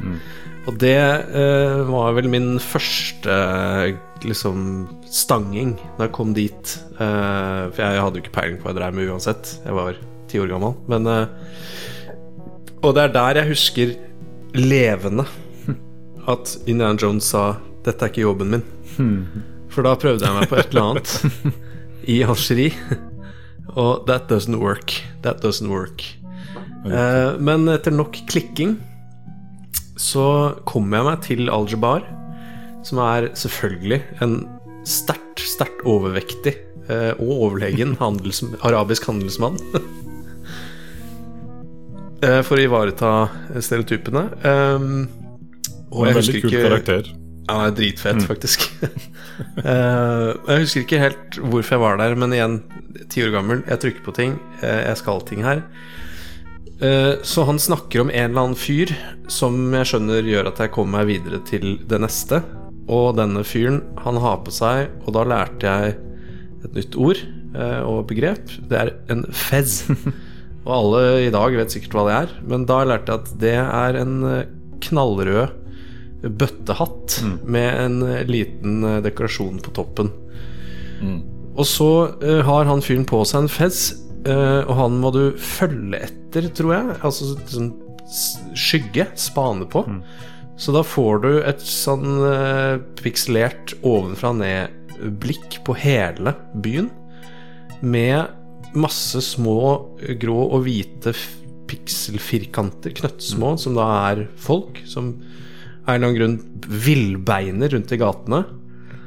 Og én av prikkene er rød, og han har på seg fez. Eh, hvor, hvorfor er jeg der? og, og hva er det jeg skal gjøre? Det er gøy, for at er det- Du blander litt. Vi som spiller Teams, vi har ikke den sekvensen. Det, altså, man, går, man går aldri ut av den byen. Man går rett opp på taket og kjører ballong. Hjelp, Eirik. Hjelp meg. Altså For det første så blander du litt der, for du sier at du møter Ja. Al-Jabbar i- eh, før du møter ham med festen. Ja. Eh, og det gjør du ikke hvis du, hvis du Nei, spiller for han skal til Al-Jabbar. Og jeg vet ikke hvor Al-Jabbar er, men det vet han. Nettopp. Og, så Ok, du da kan- og det går faktisk an å følge etter før altså For du, i hvert fall i Wits så må du gi ham den festen. Du, må få, du får den fra en annen fyr Ja. som bare er så fornøyd og festiv at han har lyst til å gi, gi deg en fest. Ja, stemmer det. Det er, det er han drithappy eh, araberen. så, Ja. det er kanskje Også, ufint å si araber om en som er i Afrika, men ja, skjønner Folk skjønner. Algerer. Algerier Mm. Anyways, Men- han er så happy. Kan, Ja, og da, hvis du gir den festen til han, eh, han tjeneren til Al-Jabbar Sånn var det. Sånn var det. så, så ta, kan du følge etter han. Men du kan også følge etter han uten festen, tror jeg. Det er bare at det er veldig vanskelig å, å få liksom, Å vite hvem av de Ja, hvite prikkene for- som er han. Men det er liksom en som er litt større enn de Stemmer. andre. Stemmer. Eh, og så Ja, for da kommer jeg til Al-Jabbar. Og så uh, stenger jeg Al-Jabbar inne på toalettet, eller er det jeg som går på toalettet? I huset til Al-Jabbar. det- er i Wits, hvis Ja. du gjør det. I, I Fist så står han og blir angrepet av en tysker. Da redder Sånn du sånn Da, da banker du opp til na- nazien. Ikke Altså, altså, så det er, Ikke hans skjebne føler jeg er ganske forskjellig ut fra hvilken, hvilken, hva du har sagt til Sofia litt tidligere i spillet. Så er Ja. Veldig. Enten så er han veldig sur på deg når du er ferdig med den, eller så er han ganske fornøyd Ja. med handlene du har gjort. Men hvis ikke, hvis ikke Nå skal ikke jeg frata dere noen gode opplevelser i Algerie, eh, men jeg trenger da å vite hvorfor jeg er i en luftballong. Det er du ikke hvis du har spilt Fists og Wits, så, det, så der blander du heftig. jo da, du Jeg er, har vært i en luftballong. du er i luftballong i alle tre pass, men på helt forskjellige tidspunkter Ja. og rekkefølger. Helt forskjellige tidspunkter. Stemmer okay, det. ok. Men ak- Og det er bare, no, bare med teams hvor du faktisk må drive med å, kjø å lande opp og ned hele tiden. Mm. Hvorfor er har da? jeg så trenger du bare å lande én gang. Ja. Jeg tror vi jeg tror, Da kan vi bare etablere det at igjen, jeg spilte dette da jeg var fem. Eh, så om jeg har spilt Wits én gang og Teams en annen gang, og ja, det kan være Ja. Jeg har i hvert fall vært i en luftballong som eh, Hvis jeg snur til høyre, så går den ned. Hvis jeg snur til venstre, så går den opp. Og så skal jeg jo til høyre, men ikke lande. Veldig spennende, me spennende styringsmekanisme der. Veldig. Eh, Vent hydrogen eller drop ballast. Ja. Uh, hvor, hvorfor er jeg i den ballongen, egentlig? Nei, igjen da, det kommer an på paten. men uh, hvis du skal eh, til dig site, så er du i Teams, og da er det en sånn ballongtur, som, et tour, som, som er på toppen av bygningen der du kommer. Det er en del Ja. path for å få til det, da, for å få ticket til å dra på den, men uh, ja, det, da er du der, og så kjører du for å finne dig site. På Den er grei. ja. På eh, de to andre pathene finner du Digsite eh, med en kamel eh, som du stjeler, stjeler eller får fra, fra oh, Mr. Al-Jabbar. Al-Jabbar. Ja. Eh, Men ellers er det samme mekanikk at du må komme deg fra oase til oase og prøve å skjønne hvor, hvor du skal hen, på en måte. Eh, Ja. ja. This X is slightly to the north Ja. Ja, and to the, to the east. Ja. for det er noen eh, indikasjoner i de oasene på hvor du skal videre. Ja, du kan det spørre, og der har, du, der har du en vennlig eh, afrikaner som sier 'yes, Effendi'. ja, Ja, Effendi. Ja, Effendi, ja. Veldig vennlig. Så jeg, Eh, Du har jo med deg et kort kart som du viser til de nomadene. Og, så, Ja. og da kan de liksom vise deg videre. Hello there. Salam, Effendi. What do you make of this map? Hmm. This X is slightly to the north and to the east. I eh, den passen du liker, Fist, så drar du fra diggsiten i eh, ballong. Eh, de to andre Ja. så drar du i eh, truck. Eh, og i den passen din så drar du vel rett til Tera, er det ikke det? Eh, jeg tror det. Nei. Jo. Nei. Jo. Jo. Nei, det er i Vits. du drar til Tera først, og så drar du derfra til Kreta. Eh, og du er ikke engang i Tera Ja, i, i, det hele tatt i Teams, så det var et nytt sted for meg. så ja, det er, det er, eh, det er litt spennende. Men, eh, og det, men det, og det skjønte jeg jo denne gangen, at Tera er jo det da som må være the lesser colony Mm. eh, av, av Atlantis, for der bruker du Sunstone. Ja. Um, Ja, for det er den eh, lille fiskelandsby... Eller det er egentlig bare Ja, en det naust og en det som fiskebutikk, Sant liksom. Santorini i dag, hvis man skal Ja. plassere det. Mm. Riktig. Og så, og så er Kreta da the, the greater colony. Mm. Fordi, og, og da Fordi når det er på Fist, så er det vel, så skal du jo leie en båt på et eller annet tidspunkt Mhm. og dykke. Og da må du angi sånne eh, Da må du angi koordinater til han der som du skal leie båten av. Og da kan du se Dialogue of Plato, for der står det på en måte da Hvis du da har skjønt at du er i The Lesser Colony, så står det på en måte directions Hvor langt unna den er fra Atlantis. Men når er det ubåten ligger utafor Tera? For den ligger utafor Tera. Ja, jeg, Tera eller Kreta? Jeg, jeg har uh, igjen et Mm. jeg har ikke peiling på hvilke av de tre jeg spilte, men jeg har et soleklart minne av at ubåten har ligget ved den der fiskebrygga i Tera. Yes. I Witz så gjør den det. Da kidnapper Da er Sofia kidnappa, mm. og den drar derfra. Og da må du, når vi går tilbake på ballongen, da må du bruke ballongen for å komme til ubåten. Du skal lande på ubåten. Ja. Stemmer. Mm. Stemmer. Jeg har spilt Wits, jeg. ja. ja, du har det. Tydeligvis. Du har det. Jeg slumpa på å banke biff en gang, men eh, jeg har tydeligvis spilt Wits. Ja. Ja, det er akkurat det. Han kan du banke uansett, vet du. Nei da, men eh, ja, og da får du en ubåt. Ja, ubåten unngår du faktisk uh, hvis du kjører uh, Ja, hvilken er det? Fist. Fist, ja. Da er du aldri på ubåten. Så det er alltid noen scener du aldri er på, Eh, sånn, men ja, det er litt gøy.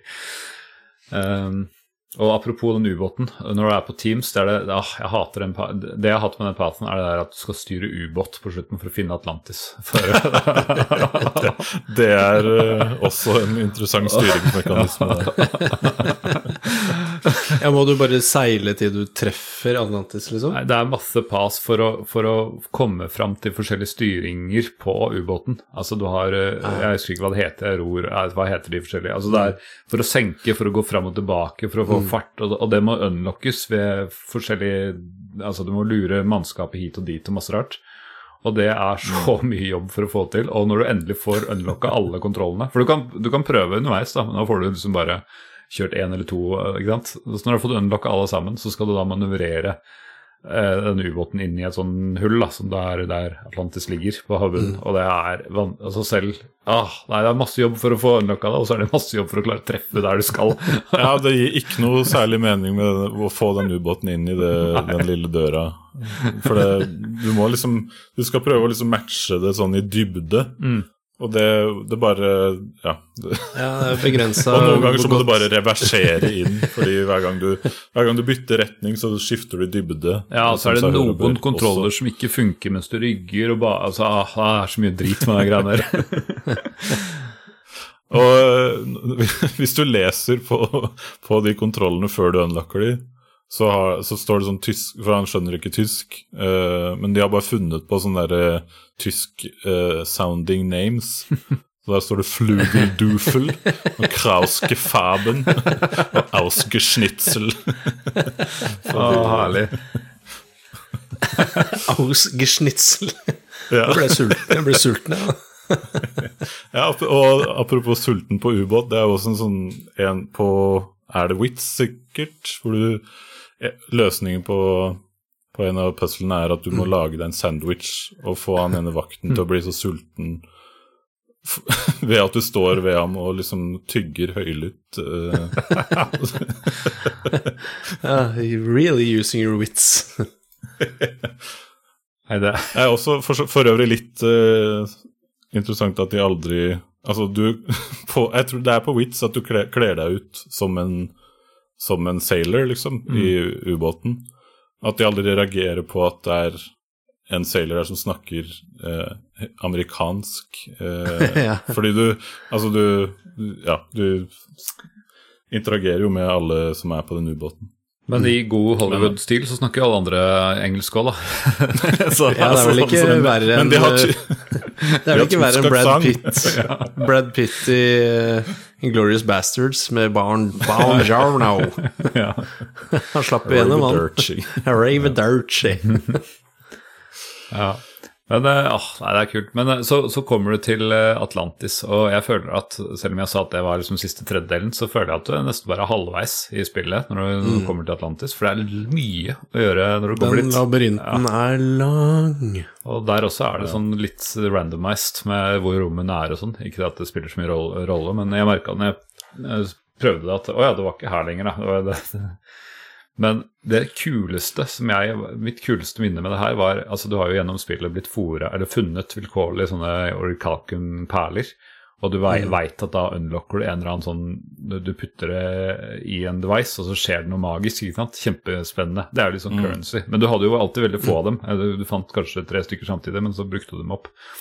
Og i Atlantis så, så finner du mange steder hvor du trenger sånne perler. Da. Og da på et uh, tidspunkt så finner du ut hvordan du kan lage dine egne perler i en sånn uh, maskin. Og det var så, åh, så herlig lyd og alt mulig når du endelig klarte Så å masse animasjon. Free sånn. money! Ja. Å, det var herlig, det. Ja, det Ja, jeg, du trenger jo bare å gå og lage kanskje to ganger Mm. for å løse ting, men jeg, lagde helt til jeg hadde så mange at han ikke kunne telle de lenger, husker jeg. Ja, den derre sirkus, eh, sirkuset som kommer når du, når du putter lava oppi toppen av maskinen, og det kommer ut. Ja. Uh, ja, det er Ja. Atlantis er jo fantastisk i seg sjøl, syns jeg. Liksom, de, har, de, har, de har liksom klart å lage et skikkelig sånn følelse av eh, veldig sånn annerledes kultur med statuer og liksom det, det er på en måte noe sånn veldig fremmed med, med, med Atlantis. Det syns jeg er veldig kult, at de liksom, hvordan de har designa det. Jeg syns jo at de, med Atlantis så har de liksom kondensert alt av dritbra grafikk, eh, van litt vanskelig, men kule puzzles, mechanics og for så vidt spennende story. De har bare greid å kondensere det som allerede er kult, inn til liksom siste brett, da, for å kalle det det. Eh, bare de liksom Altså grafikken og, og omgivelsene og de puzzlesene eh, Altså sånn En ting er jo lavapuzzlet, som vi skal ta en titt på, men eh, sånne kodepuzzles på veggen Altså Ja. puzzle i seg selv, Ja, ikke min greie, kjedelig. Men når det er så sinnssykt sexy grafisk, så er det liksom Det er greit. Det er greit. Ja. Ja, det er kult. Jeg, jeg, Men det starter med en Og- labyrint. ja, Det starter med en labyrint. Det er, my, det er så mye Det er, det er veldig åpent uh, her, og det er, det er kanskje det som gjør at man, det tar tid, da, fordi det er så mange steder å traversere. Hvis man går glipp av noe, så må man liksom Du veit jo ikke hvor du har gått glipp av, så det er veldig mange steder du må gå rundt og lete etter ting og prøve ting og finne ut at ting ikke jobber her og sånn. Så Ja. Ja. Og selv det, å, la, mange det, det, arbeidsledige. Ja. selv det å produsere de orikalkumkulene, mm. det, det tar jo tid. Du må liksom gå fra den ene delen av labyrinten til den andre. ja, du trenger en del tilbake parts også. Samle lava. Ja. Ja da. Og hvis du liker å slåss, så har du jo alltid muligheten i labyrinten, for der er det jo, går, patruljerer det soldater, nazister, hele tiden, som du kan denge opp. Det er gøy, fordi jeg prøvde å unngå det hele tiden, og så innså jeg, eh, når jeg at jeg måtte denge minst én mens du er på eh, i Ja. For du må ha en pølse. Ja, av alle ting. Og nazister har alltid pølse. Ja. ja, men de er, de er Germans. ja, altså Snitchel. Jøns, jøns, jøns. Hva heter sånn ordentlig tysk pølse igjen? Sånn derre schnitzel-greier. Ja, eller bratwurst. ja, ja, ja. Uh, la oss snakke om noe hyggeligere. Uh, den bilen i Atlantis, den kom Den uh, havna jeg aldri i. Er det noen av dere som Altså husker bilen, eller tanksen, eller hva man skal kalle det? Det som liksom den, er- i den ja. innerste ringen der. Ja, en gigantisk uh, ja, stridsvognslignende sak bygd i stein. Eh, Som jeg oppdaga på når jeg så en Let's Play. uh, med selvfølgelig noe Oricalcum og noen greier. Mm.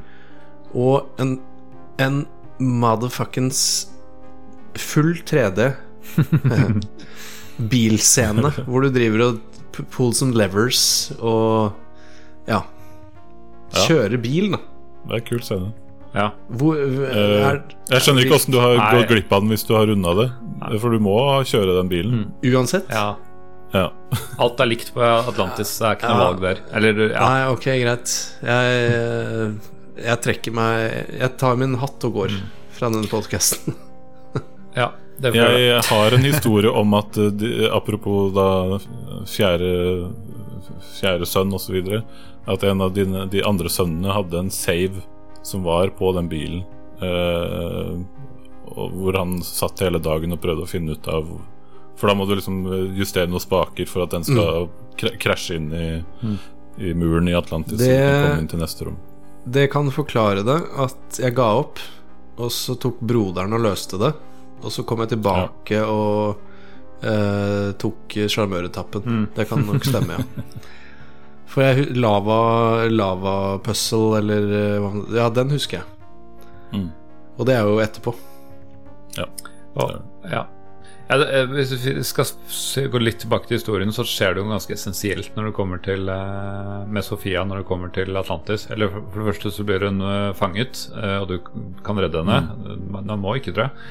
Eh, etter det, når hun blir med inn til midten, så begynner hun å få mer og mer kontakt med Nu- Nurab Sal eh, gjennom dette smykket som hun har gått med hele tiden. Og hun blir jo helt besatt. Eller altså ikke helt besatt, hun, hun blir besatt. sånn eh, obsessed Nei, ikke obsessed, men hva heter det? Eh, ab, hjelp meg, hva, hva heter det? uh, eh, possessed. Possessed! Ja, Der har det er litt gøy at det er så to like ord som betyr omtrent som har samme ord i Norge nei, på norsk. Besatt. Ja. Um, og jeg spilte bare med tekst. Jeg tror ikke det gjorde, gikk så mye inn, inn på meg, men nå syns jeg det var litt scary. Jeg hørte den der, åssen stemmen hennes bare ble veldig annerledes. Ja, det er ganske skummelt. Ah, Dr. Jones. Welcome to my humble abode. Excuse me. Speak, mortal! Come on, Sophia, get a grip on yourself. I am no longer the one you called Sophia. I am simply The one who rules. Morsomt at du sier det, for jeg også har jo bare spilt det med tekst sånn egentlig. Og jeg syns jo bare det var humor. Mm, ja, At hun liksom ble gæren og begynte å snakke med capslock. ja. Plutselig begynte hun å snakke veldig mye med capslock. Jeg bare Ok, slapp av. Det ble liksom bare komisk.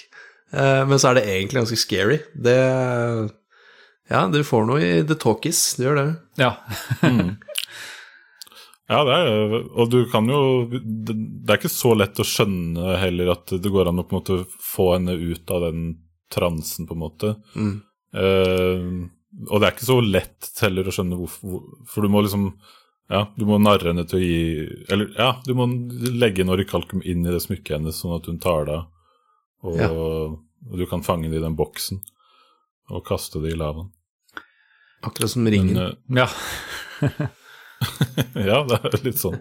Det smykket er jo egentlig noe som som, eh, som går gjennom hele spillet, for så vidt. Du ser jo det helt i begynnelsen når du møter Sofie også. Det er liksom, hun sier at det her er det her er den greie, tingen som eh, nazistene burde ha funnet, men som de ikke fant. Mm. Uh, så Det er liksom Det er jo det smykket som gjør at hun har kontakt med Nurab Sal, tror jeg.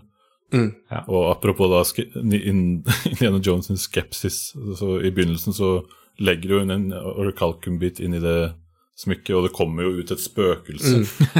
og han bare Oh, har du glemt å betale strømregninga?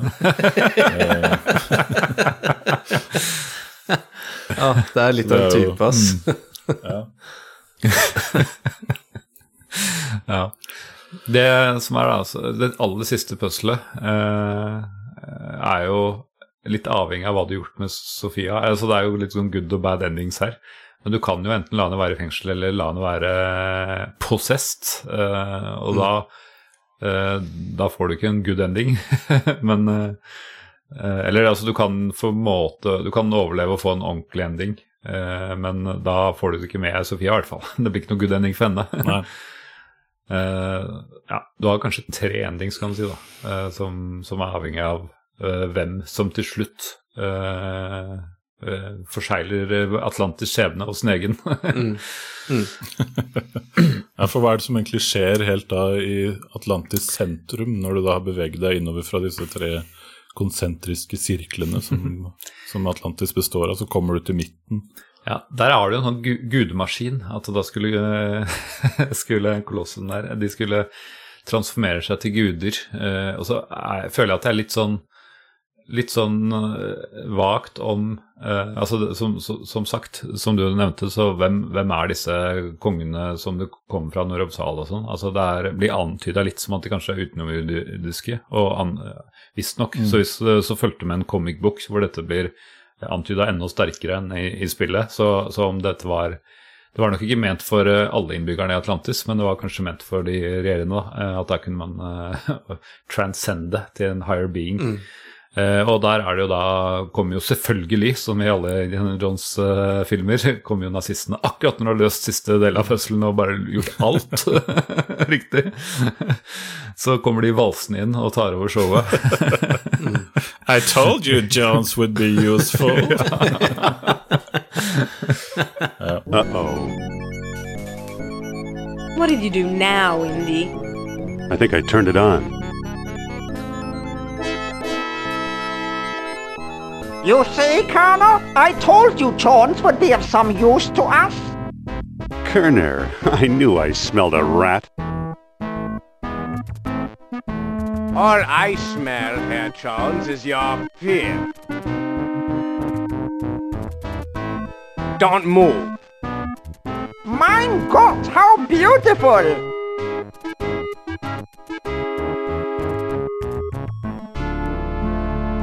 Congratulations, Dr. Jones! You've just handed the Third Reich its ultimate victory! Og da er det jo da altså putte alle disse or- orkakum beads du har samla i en maskin, og så er det litt sånn eh, Det er også en, en viktig del av spillet fram til nå, da, at det er noe sånn tenfold error i, eh, i denne dialogen, eller i Platos, ja, som er grunnen til at de ikke vet hvor det er, og sånne ting. Og da er det litt i tvil om hvor mange perler man skal putte inn i maskinen.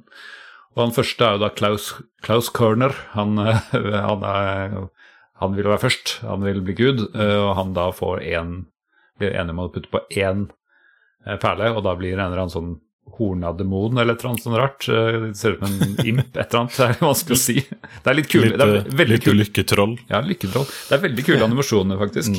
Det, det er litt Ja. morsomt, fordi i starten så er det litt sånn fade-animasjoner når, når du gjør ting som er skikkelig Ok, det var litt out of character, men der er det ordentlig, ordentlig animations. Eh, han dør uansett, og så er det på en måte siste puzzlet er hvem som skal gå, go next. Og Ja. hvis Sofie er possessed, så tror jeg hun kommer og bare tar plassen uansett, hvis jeg ikke husker helt feil. Det går, jeg tror, jo, nei, ja, Ja. eller ja. Eh, hvis, Både hvis hun er possessed og hvis hun er i fengselet, faktisk. ja, det er litt interessant. Uh, Ja, for da sier hun uh, You thought um, uh, iron bars could hold the great king of Nurabsal? ja, nettopp. Ja. Eh, men hvis hun er sammen med er befridd fra både, både ene og andre, så, så står hun ved siden av Indy, og da er det han eh, Uberman har vi ikke nevnt så mye, han forskeren som har sånn utrolig silly stemme. Det er sånn Dr. Fred, eh, sikkert samme voice actor, som skal eh, Det er samme voice actor. Ja, det er det, ja. Han skal ta over showet. Han vil bli gud. Det vil si Eller ja, nå, nå roter jeg litt her. Han vil at Indiana Jones skal ha forsøkskanin. Mm. Sånn er det vel. Og da, eh, da dør det jo, på en måte. Det spillet ender på eh, Skjebnen til Atlantis er helt lik uansett, men, eh, men du får Game Wars-skjerm litt tidligere. Så du må på en måte lure han til å ta den siste Altså at han skal være mm. prøve å bli gud. da. Og det er akkurat som jeg ikke skjønte når jeg så de originale filmene, at hvorfor, hvorfor her har du funnet paktens ark og alt mulig, og så går du tapt? Altså, hva, hva er det her for noe? Hva er det for tull? jeg husker jeg hadde samme sånn numne følelse at nå har vi funnet Atlantis, så skal det gå i stykker. Det kan ikke være sant. Og så skal ikke Ja. Men eh, ja, så hvis du lurer han, da, så går i hvert fall Atlantis i stykker, og du klarer å stikke av, og så får du en sånn mm. sunset eh, Seiler ned i sunseten med, med ubåten-ending, med eller uten Sofia. Mm. Han, ja. han Ubermann er jo for, for, for øvrig veldig funny karakter. Du ser, ser ham stort sett bare i sånne der, Uh, sidescener med ham og Kerner, hvor de driver og eksperimenterer på orikalkum og veldig En veldig kul voice actor. Som du sier, han har helt samme stemme som Dr. Fred i David Sentacle. Ja. Og det er jo derfor det, det er den samme voice actoren. Men det er også samme voice actoren som spiller Max i Sammen Max. Oi. Oi, Ja. Hei sann. Nick, Nick Jameson heter han. Ja. Han uh, har spilt Han er ganske Han er skuespiller i, i 24, blant annet. Ja, kult. Men anyway. Tilbake til Atlantis. Ja, tilbake til Atlantis. Ja, Nå har vi i hvert fall runda historien, da. Men eh, du, du vil innom noe ja, lavapuzzle, for eksempel, Sigve. Den kan jo du, da har du gleda deg. Nå har du tisa lenge nå. For, Ja, jeg gleder meg litt. Nei, det var jo et puzzle jeg forsto, da. Mm. for det er et ganske enkelt eh, konsept. Så det er jo bare at du har på, på din reise, eh, og her er du jo da i, i innerste sirkel på vei mot senter eh, av eh, Atlantis. Hvor du har selvfølgelig Det er masse lavastrømmer overalt. Uh, carefully designed da, av uh, disse Atlantians i back in the days. Uh, hvor det ene puzzlet er rett og slett at du skal over en elv av lava. Og det første med den er jo bare grafisk. Husk 1992. Mm. st sterke farger. Altså, det var bare fengende, for den var så kul å se på. Eh, sterke, glorete farger og ja, stilig design, da. Denne lavaelven. Eh, som da får disse, skal vi kalle det, nedkjølte Altså, de får skorpe, eh, som jeg kanskje tror lava litt får i virkeligheten nå. Eh, øverste laget kjøles litt ned. Jeg tror ikke det er mulig å gå på det i virkeligheten, men det er det her. Eh, Så dette er et sånn eh, slags heksagonalt, eh, heksagonale former, da, som med skorpe som formes, og så spruter det lava opp, og så blir en borte, så spruter det litt mer, så blir en til borte, og så må du rett og slett bare prøve deg litt fram, da, sånn at du går på de feltene som fortsatt er litt størknet, og ikke blir tatt da, av en av de som plutselig får en sånn flame-up. Mm. Så eh, det var jo egentlig ikke mer intrikat enn det. Det plutselig husker jeg litt, for det fikk jeg til, og så er det Altså, det, det skal det, Vi skal jo si litt om det, men det er bare sexy. Altså, grafikken og designet og Altså art Hva heter det? Kunsten. ja. Det visuelle. Det visuelle i det spillet her. Selv om eh, de prøver å være et eh, ekte spill med pikselgrafikk. Eh, det er det er Det visuelle her, det gir meg fred i sjelen og lavere puls når jeg ser det den dag i dag. Det er et eller annet utrolig, utrolig vakkert med, med det visuelle her. Uh, og lava uh, labyrinten eller puzzlet er bare en av mange gode eksempler på det. da. Ja. jeg er enig. grafikken i spillet her er helt uh, nydelig. Ja, Jeg er, tror det for det er, er- ikke, det er ikke bare nostalgi. Det er ganske fint også. Ja, Sånn- altså jeg tror vi, jeg, jeg så en review noen som har spilt i dag, som aldri har spilt det før, og de syns liksom Oi, eh, det er dated graphics og så videre. Men altså, gitt uh, hvordan andre ting så ut på den tiden ja. uh, Veldig mye pen, eh, pene bakgrunner og ja. Over, over 200 forskjellige lokasjoner, Wow. tror jeg jeg leste at Ja. det var. Det er jo Det ganske massivt. ja det, Jeg vil De fikk til noe der. jeg, eh, altså Når jeg tenkte når dette var fra, eh, basert på så, så tenkte jeg at det var tidligere, at det kanskje var fra 1990. Fordi jeg syns kanskje Monkey Island, spesielt toeren, da, som tydeligvis jeg trodde det kom etterpå, men den syns jeg er mer fargerik og mer sånn For det er litt sånn Jeg vil ikke si grått og kjedelig, men det er liksom Det er, det er, ikke, så, det er, så, ja, det er så fargerikt, da. Det er litt sånn monotont. Nei, for det, det skal være realistisk, Ja, ja. ikke sant? Så det kan ikke være så glorete. Eh, men du og du, de tar igjen det tapte inn i Atlantis, da. Jo da. uh, det er sant.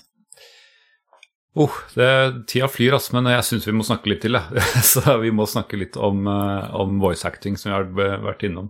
For eh, ja, høres ut som alle starta med, med tekst. Men hva, hvordan syns dere denne talkie edition er? Eh, sånn, hva syns, syns dere gjør en god jobb, dårlig jobb? Hva, hva tenker dere? Jeg kan jo svare først, siden svaret blir kort. eh, for jeg har i hovedsak kun spilt non-talkie. Og så har jeg sett noen Let's Plays hvor det naturlig nok er talkie-versjonen. Eh, det er ikke for meg, rett og slett fordi jeg ser Let's Plays pga. nostalgien, og det blir litt forstyrrende, fordi jeg vil bare høre på musikken. Mens Sofia snakker med capslock. Eh, snakker, i anførselstegn.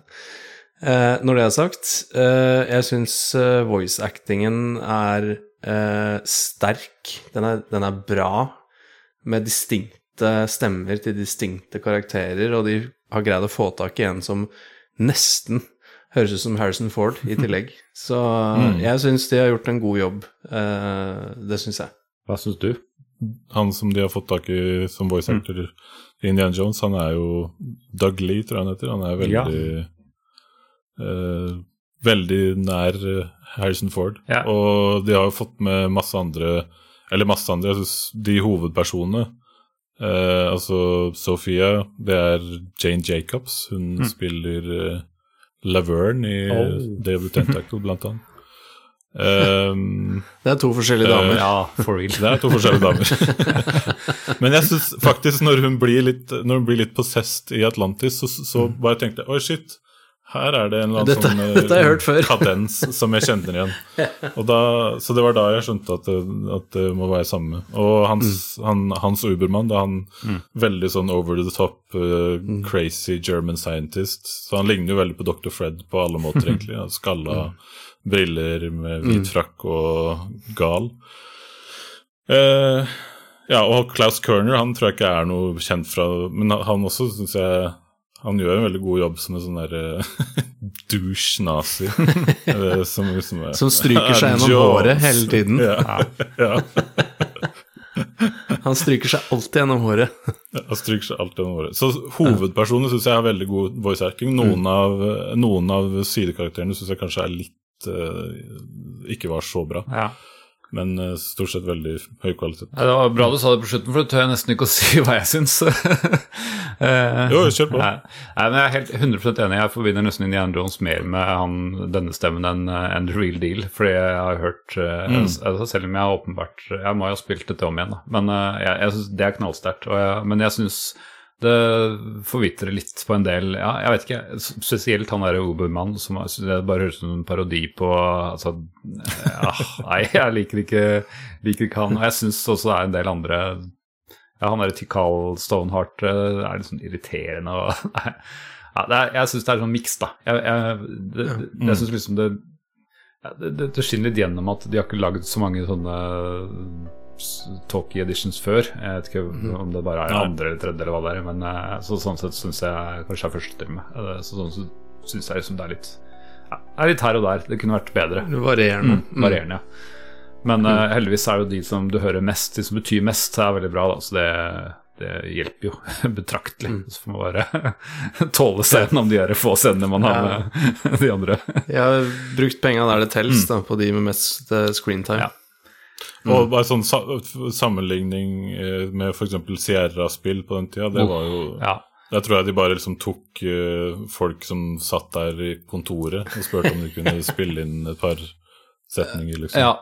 Så det er jo det er i hvert fall et step up Ja, derfra. alt er relativt, det er klart det. Men eh, ja, så hvis du sammenligner med det, så er det klart, da er det Star. Ja, men det gjør vi. ja, ja da, Det vi gjør gjør vi. det. Gjør Det det. gjør vi. Ja. Det gjør vi. Ja, det gjør det. Ja. Ja, ja.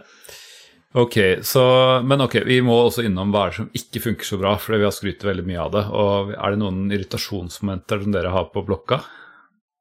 Ja, han, eh, han på Azorene. Han som står i døra og ikke vil gi deg svar på det. Ja. Nei, vi er ferdig med puzzles. Eh, Jeg, jeg, jeg, jeg greier ikke å svare på det, eh, fordi jeg liker ikke pek og klikk adventure-spill, men det blir liksom Jeg kan liksom ikke angripe det for å være det, eh, fordi jeg syns det er kjedelig. I dag. Jeg likte det jo da. Eh, Så jeg er litt sånn Jeg håper kanskje dere har noe. Eh, For for meg er dette bare et supersmooth, Ja. dritbra spill. Ja, én ting jeg må dra fram, og det er mest fordi jeg vet vi fiksa det i senere Scamsfield, og det er at eh, når du skal Det er mye gå og traversering hit og dit. Og når du eh, fra allerede det å tentakler, så kan du dobbeltklikke, og så bare går du til den scenen. Altså cross the screen, screen eller hvor du skal. Og det er så irriterende, for det er mye gåing, og spesielt i Atlantis. Hvis ikke du har gjort akkurat alt du skal i riktig rekkefølge, så skal du fram og tilbake og kjøre en krabbe og masse drit. Så det er bare dritkjedelig Ja, å gjøre. Den krabba har vi ikke tatt, men Nei, ja. Så, så akkurat den delen Jeg kunne ønske i hvert fall Scum VM fiksa det. Jeg har spilt i Scum VM, og de pleier å gjøre sånne improvements som jeg ser for meg er ganske lett. Så hører du eh, Einar Johan, så implementer det i morgen. Altså fast travel, rett og slett. ja, fast travel. Ja.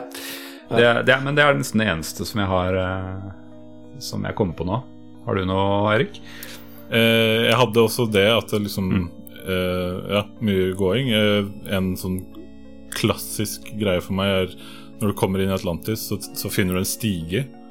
Eh, som du bruker bare til å sette opp Du klatrer opp den første til en sånn steinrøys i begynnelsen av Atlantis. Og jeg glemmer hver gang å ta med den stigen, men du trenger den tre ganger. Ja. Eh, så, så jeg le legger den igjen andre gangen jeg trenger den, og da må jeg gå tilbake og hente den en Og kjøre krabbe og alt mulig. Og, og kjøre krabbe og alt mulig. Ja, ja. Eh, eh, jeg, er ikke så, jeg, jeg er ikke veldig fan av sånn labyrint. Nei. Sånn som uh, Kreta syns jeg blir litt kjedelig. Altså inni labyrinten der. Eh, der syns jeg også det å finne månestein der, på, i hvert fall på Team Path, når du skal, liksom, når du skal triangulere de hornene og sånn, det er ganske vanskelig puzzle. Og der er det også en sånn seksjon hvor det bare er masse rom du må gå inn i for å finne ett diagram som liksom viser det du skal, det du skal gjøre i det puzzlet. Og det blir ganske mye sånn der tom Altså ikke noe som skjer. Ganske kjedelig. Ja. Så noe av puzzle Altså, eller ja, designet av hvordan, hvordan uh, puzzlene skal løses og sånn, er litt Litt kjedelig. Ja. Da jobber vi hardt da, for å finne noe kjipt. Ja.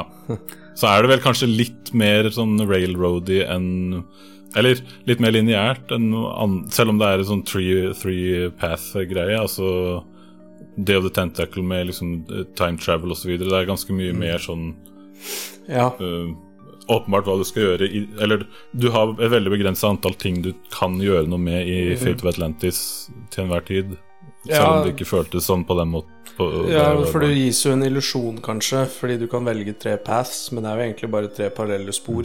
Eh, alt skal samme, Ja. samme vei.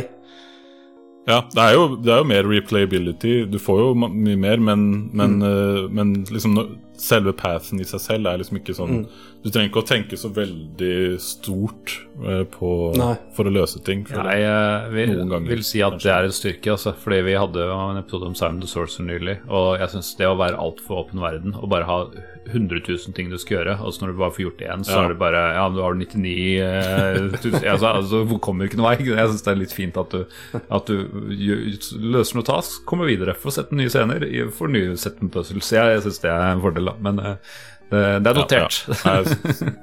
Ser det. Men en ting som jeg sy- syns funker, og som vi, jeg syns vi bør snakke litt om, beklager at det blir veldig langt, mm. det er jo musikken også. Ja. Vi har liksom ikke snakket Oh my god, mm. musikken. John Williams. Oh. Altså, er det Er det For er det nostalgien min, eller er den bra? Eller er det litt begge deler? For jeg kunne hørt på en Let's Play på YouTube i tre og en halv time. Jeg kunne bare hatt det på øret, liksom, på bussen, og bare hørt på det. For det er så sinnssykt bra. Ja, jeg, jeg er enig. Altså. Det er veldig mye veldig mye kul musikk. Eh, John Williams har jo lagd hovedtema, som du sier, men det er jo Mm. det er Michael Land og to andre Ja, Pete McConnell uh, og Clint uh, McConnell. Ja. Det, de er jo Ja. Michaels Land og Peter McConnell Nei, jo, McConnell er jo kjempekjente, fordi de lagde jo Eller kjempekjente i Lucas Art-sammenheng, i hvert fall. For de har lagd Mm. Ja, de var jo med på prosjektene etterpå også. Så Mm. ja, de har gjort en veldig god jobb. Og du, du kan høre veldig mye, i hvert fall sånn når det er sånn actionscener og sånn. Når Kerner f.eks. stjeler statuen første gangen. eh, Så hører du veldig Eller jeg i hvert fall syns at man hører veldig Her er det Day of the Tentacle-stemning. altså den der dun, dun, dun, dun, dun, dun, dun. uh, Liksom eh, spenningsmusikken der. Uh, ganske Så det, det, du skjønner at det er samme, samme komponister, da. Ja. Kult. Eh, Det skal jeg søren Ja, sjekke ut etterpå. En annen eh, en, en, Apropos altså Day of the Tentacle, en annen Når du kommer da til sentrum Noe jeg har merket Når du kommer til sentrum av Atlantis, så er det på en måte sånn der eh, fade eh, Eller sånn der eh, panorama av Du ser liksom fra toppen av den der eh, Mm. gudemaskinen og ned. Og da kommer det en sånn lyd som er sånn Ja. Og det er den samme lyden som er når du, når du liksom starter Day of the Tentacle. Ah. Er, altså Når den LucasArts-logoen kommer mot Mm. deg, i Day of the Tentacle, Ah. det er den samme, samme lyden der. Hmm.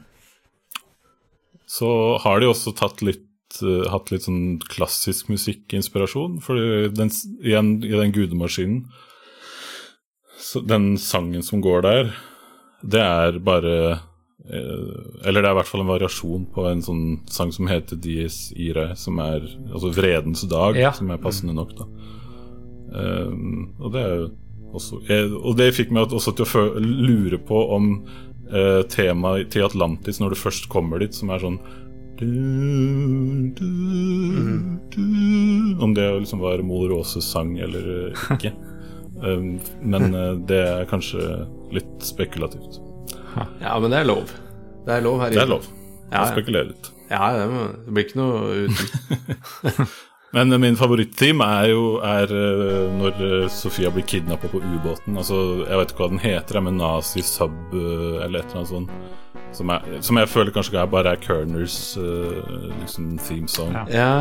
Ja, den, den er helt Den syns jeg er den råeste sangen i spillet. Eh, jeg, jeg må Jeg skal google og YouTube litt etterpå, for her må jeg For jeg husker jo Jeg husker jo alt. Jeg håper å si Jeg, jeg, jeg kan jo f.eks. sånn som vi gjorde, gjorde før vi starta, uh, hvor jeg bare uh, Eirik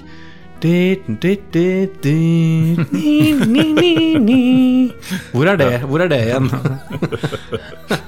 Yes. New York. New York-sangen også veldig Ikke sant? New York. Da lærte jeg også at det teatret Sofia holder eh, sitt foredrag på, er i New York. Hmm. Eh, nei, så jeg, musikken her sitter jo så sinnssykt i ryggmargen. Men ja, eh, da skal jeg titte litt etterpå. Og jeg skal kose meg litt med å skille det litt fra hverandre. Med ja, f.eks. hva skjer. Eller hvilken låt er det som er på ubåten. Mm. Eh, for jeg kommer til å kjenne den igjen. Ja, og i New York også, der, er- når du kjører det spøkelset jeg syns altså de har lagd veldig kul musikk. For, den er, for De har bare lagd en sånn fjollete jingle, men det er på en måte Ja. For De klarer å lage liksom noe som høres litt skummelt ut, for det er sånn plystrelyd, men samtidig så går det et sånn trekkspill i bunnen som, som bare gjør at alt høres eh, ut, som, eh, ut som en spøk. Uh, men senere så har de mer sånn spooky musikk som er som er den der plystringa som også er uh, Det er noen andre spill Ja, det er noen andre spill hvor de, hvor de har, det, har det samme temaet. Men rekker vi, Mamen, rekker vi litt, litt background uh, før vi må gi oss uh, på, fra min favorittepisode Ja, vi kan, vi kan ta bitte litt. Vi har holdt på rekordlenge allerede, men uh, ja, vi, vi går litt grann innom det. Og det, det er klart at det var jo suksessen til Crusade, Last Crusade, som uh, forårsaka at dette kom. Eh, men det som er gøy, er at jeg har jo, som har spilt mye av disse Lucas-spillene, forventer liksom å finne sånne navn som eh, ja, Tim Shafer, Brian Moriarty, David Fox og sånne ting. De, de har ikke noe, noe med det her å gjøre. Eh, Mark Ferrari, som lagde nydelige bakgrunner, hadde ikke tegna noe her. Mulig at disse hadde slutta eller, og eller ikke begynt noe, som Tim Shafer, men de har ikke noe Eller ellers var det bare parallelle team. Ron Gilbert eh, står på rulleteksten, men det tror jeg utelukkende fordi han lagde Scum Engine. Altså han lagde Scum. Ja, det tror jeg også. Så han, heller ikke han, som definitivt jobba der, hadde noe med dette å gjøre. Eh, Eller kanskje han har slutta allerede, jeg husker ikke. Så det er litt gøy at de, de som faktisk har lagd det, er eh, Hal Barwood og Noah Falstein. Og de, de jeg, jeg forbinder dem ikke med, egentlig med noe annet enn Fate of Atlantis. Eh, men de, de kom visst fra denne Lucas-filmdelen av selskapet. Altså Jeg tror de hadde jobba med fil, filmproduksjon, og at de kom fra liksom, De hadde Ja. Så de hadde faktisk en vellykka karriere før de starta inn i, i dette, og det er litt eh, gøy, for det er ikke så veldig mange spillutviklere da, som, som er eh, ja, som, som ikke bør komme på bar bakke. De fleste, fleste liksom starta opp fordi vi skal prøve dette nye, og så, så har du de som, eh, som er litt motsatt. Men eh, ja. Men det kan jo, det kan jo være litt av grunnen til at Sånn jeg husker det, så var liksom utgangspunktet at de skulle lage film av, nei, spill av, et, av en eksisterende film, men de bestemte seg for å bare lage på egen hånd. Mm. Og jeg, jeg, lurer, jeg føler liksom at det at de hadde Eller jeg lurer på da, om det at de hadde hadde sånn filmbakgrunn, at det gjorde at spill også ble mer sånn filmaktig. Mm. For det, er jo da, det har jo blitt kalt Indie 4 nettopp fordi folk føler liksom at det har et manus som kunne vært en film. Ja, for jeg har jo ikke noe sånn voldsomt sterkt forhold til indie-filmene. Men jeg bærer jo på en sorg den dag i dag. Hvorfor i skauen de ikke har lagd en film av det skrittet Altså, her? jeg var så naiv eh, at jeg trodde at Å ja, fordi at de lagde eh, Last Crusade lagde de første filmen, og så lagde de spillet. Så tenkte jeg ok, men jeg gjorde det motsatt. Jeg lagde de spillet først, og så kommer filmen snart. Tenkte jeg hele 90-tallet. Still waiting! ja, waiting. Nei, det var noe krystallhodeskaller eller noe sånt. Det, det skulle de lage. ja, Vi vil ha, folket vil ha Atlantis. det er faktisk flere paralleller mellom den filmen og Atlantis enn du liker å tro, med tanke på sånne overbeings og sånn, eh, i hvert fall sånn grove trekk, da. Men vi trenger ikke å Vi har ikke tid til å gå inn på de, de tingene. Jeg bare sier det fins paralleller her. Vi må få med spørsmålet om hvorfor Hvorfor er Sternhardt i Hvorfor er Sternhardt i, i Kreta Hvorfor er han et skjelett når han bare dager før har vært, eh, var i Tikal og var levende? Altså, tar det så kort tid for et lik Eirik, Eirik. Eirik, aliens. Aliens. Oh, ja, aliens. Er du, er du klar over hvor lang tid uh, India har surra rundt i ørkenen og seg i luftballong og alt mulig? Han bare dro rett dit, han! Ikke når jeg spilte. Etter kerosene. Nei, gasoline. Spillet begynner jo 1923, har du ikke fått med dere? Og så slutter det i 1939. Nei, da. nei. Eh, vi eh, Indiana Jones and the Fate of Atlantis, The Action Game, Mr. Mammen. Ja. Åh, ja, ok. Skal vi, skal vi bare s- eh, eh, De som hører på, Indiana Jones and the Fate of Atlantis, The Action Game, google det. Det vi mener er Jeg syns det er et møkkaspill. Hva syns du, Mammen? Altså, det, jeg, jeg vet nå at det eksisterer. Det står ikke noe om det på internett omtrent. Hvert fall på Wikipedia sin er det fo- fotnote. Eh, Det er det en grunn til, for det, det er eh, uspillbart. Jeg klarte ikke å spille, i hvert fall. Det, nei. Det er veldig Det er for vederstyggelighet. Eh, nei, det Jeg prøvde det ikke. Det virka helt uh, håpløst. men eh, la oss høre, da, om vi tar feil. Eh, det vil vi gjerne høre. Ja. Eh, helst, helst ikke. Jo, hvis det faktisk er noen som mener det er bra, så vil jeg høre det uansett. Ja, det er sant. Det Det er sant. vil jeg veldig gjerne høre. Ja. For det er jo faktisk en eh, Lucas Art-logo inne i bildet her. De gjorde Eh. det samme med Last Crusade, bare som sagt. De lagde to varianter, eller minst to versjoner av det også, så, men jeg har ikke prøvd den actionvarianten heller, så vi kan jo, kan jo se når vi gjør noe mer research eh, Ja. når vi en gang tar for oss det spillet. Skal vi bare brekke løs på sosiale medier, eller, eh, Sigve? For nå Jeg føler jeg vi har må- holdt rekordlang episode allerede. Nå har eh, alle lytterne våre har eh, de er ferdige med tog og bussturen, de har kommet seg på jobb, de har uh, lata som de skulle på Ja, do. det er ikke mandag lenger. Nå er det i hvert fall og så ikke sant, så jeg tror vi Vi tar en liten titt på På Facebook så har vi en eh, Ifølge Facebook en uh, toppfan med diamant. Det stemmer nok det, for Remi Jacobsen, eh, takk for sist, han er eh, aktivt ute og er en huge nerd, og det syns jeg er veldig gøy. Han kan mye, og har spilt mye på forskjellige PC-er. Spilte Mac-versjonen av dette på Amiga istedenfor Amiga-versjonen, fordi Mac-versjonen hadde 256 fargers grafikk. Eh, ikke sant? Eh, Amiga-versjonen var laget for å fungere på stokk. Eh, Amiga med fær... De som er supernerds, gå og les kommentaren, fordi her er det veldig mye egentlig sånn kul nostalgia og eh, tekniske ting på de forskjellige plattformene. Eh, Erlend Magnus Wiggen, eh, FOA, som han kaller det, Fates of Atlantis, gjorde noe ganske kult uvanlig i å ha tre vidt forskjellige stier man kan velge, mellom, velge å ta gjennom mesteparten av spillet.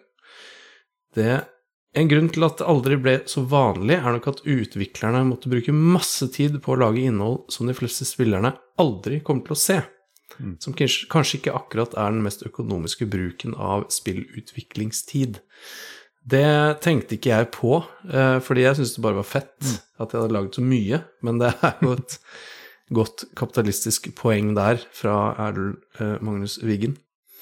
Eh, Vidar Syrtveit sier det beste point and click-spillet ved siden av Loom. Er det kompis av deg, eller, eh, Jeg, fall, jeg har lyst til å bli det, i hvert fall. Ja, ja. At dette spillet aldri ble noen Indie 4-film, er en skandale. Ja, støttes. Støttes. Det støttes.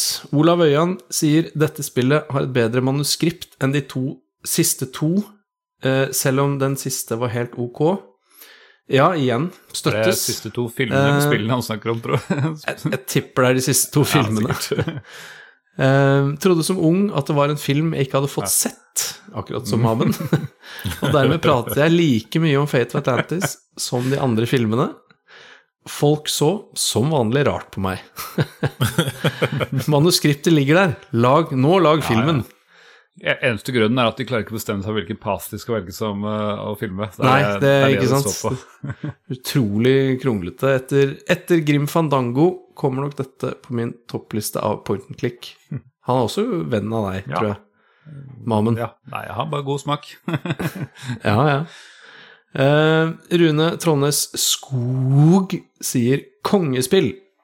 Runda det noen ganger på barne- og ungdomsskolen. Prøvde alle tre veiene gjennom det, men foretrakk team. Uh, boring.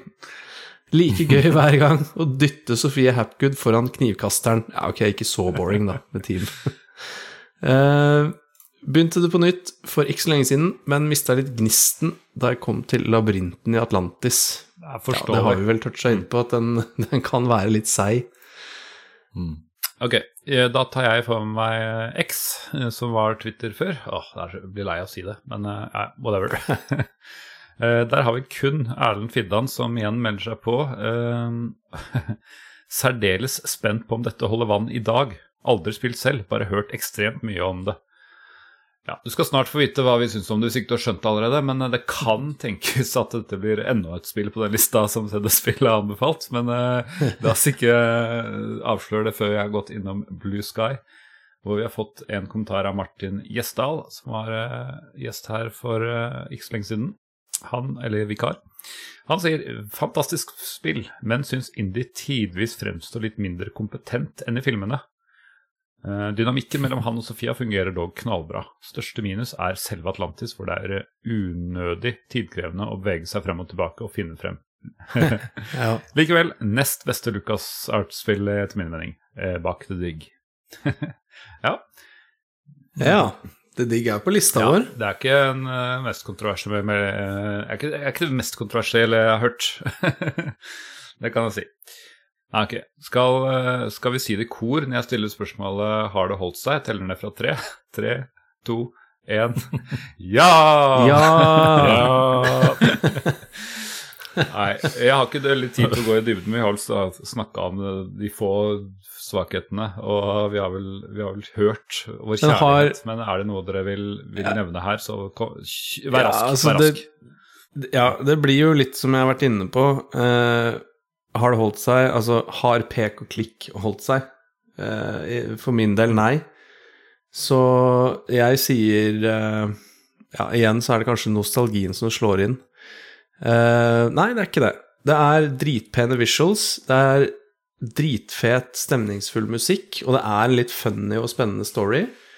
Eh, som en lat eh, Let's Play på YouTube eh, på en rolig søndag. Ja, det har definitivt holdt seg. Og hvis du har litt pek og klikk-tålmodighet, eh, spill det. Så ja, det har holdt seg. Ja, Eirik? Yes. Jeg tror, uh, tror det eneste andre LucasArts-spillet som jeg liker bedre enn det her, er Day of the Tentacle. Uh, og jeg Selv om det her var det, det som starta alt for meg, så Og derfor er jeg sikkert nostalgisk, så vil jeg fortsatt si at det her har absolutt holdt seg. Nei, jeg er altså, altså Ja, du er rett i at sjangeren, eh, og det er litt ga gammeldags, for å si det sånn. Eh, Så du må jo like pek og klikk-sjangeren. Det er nytteløst ellers. Men hvis du liker et godt mysterium og, og pek og klikk, og ha framme noe hint, da. Da det finnes sånne hintsystemer hintsystemer som bare gir deg de hintene du skal, UOS f.eks. Eller Walkthrough. Bare ty til den når du står fast, så du ikke blir irritert av de tingene, for de tingene er irriterende. Så kan du, kan du kose deg med det, vil jeg, vil jeg påstå.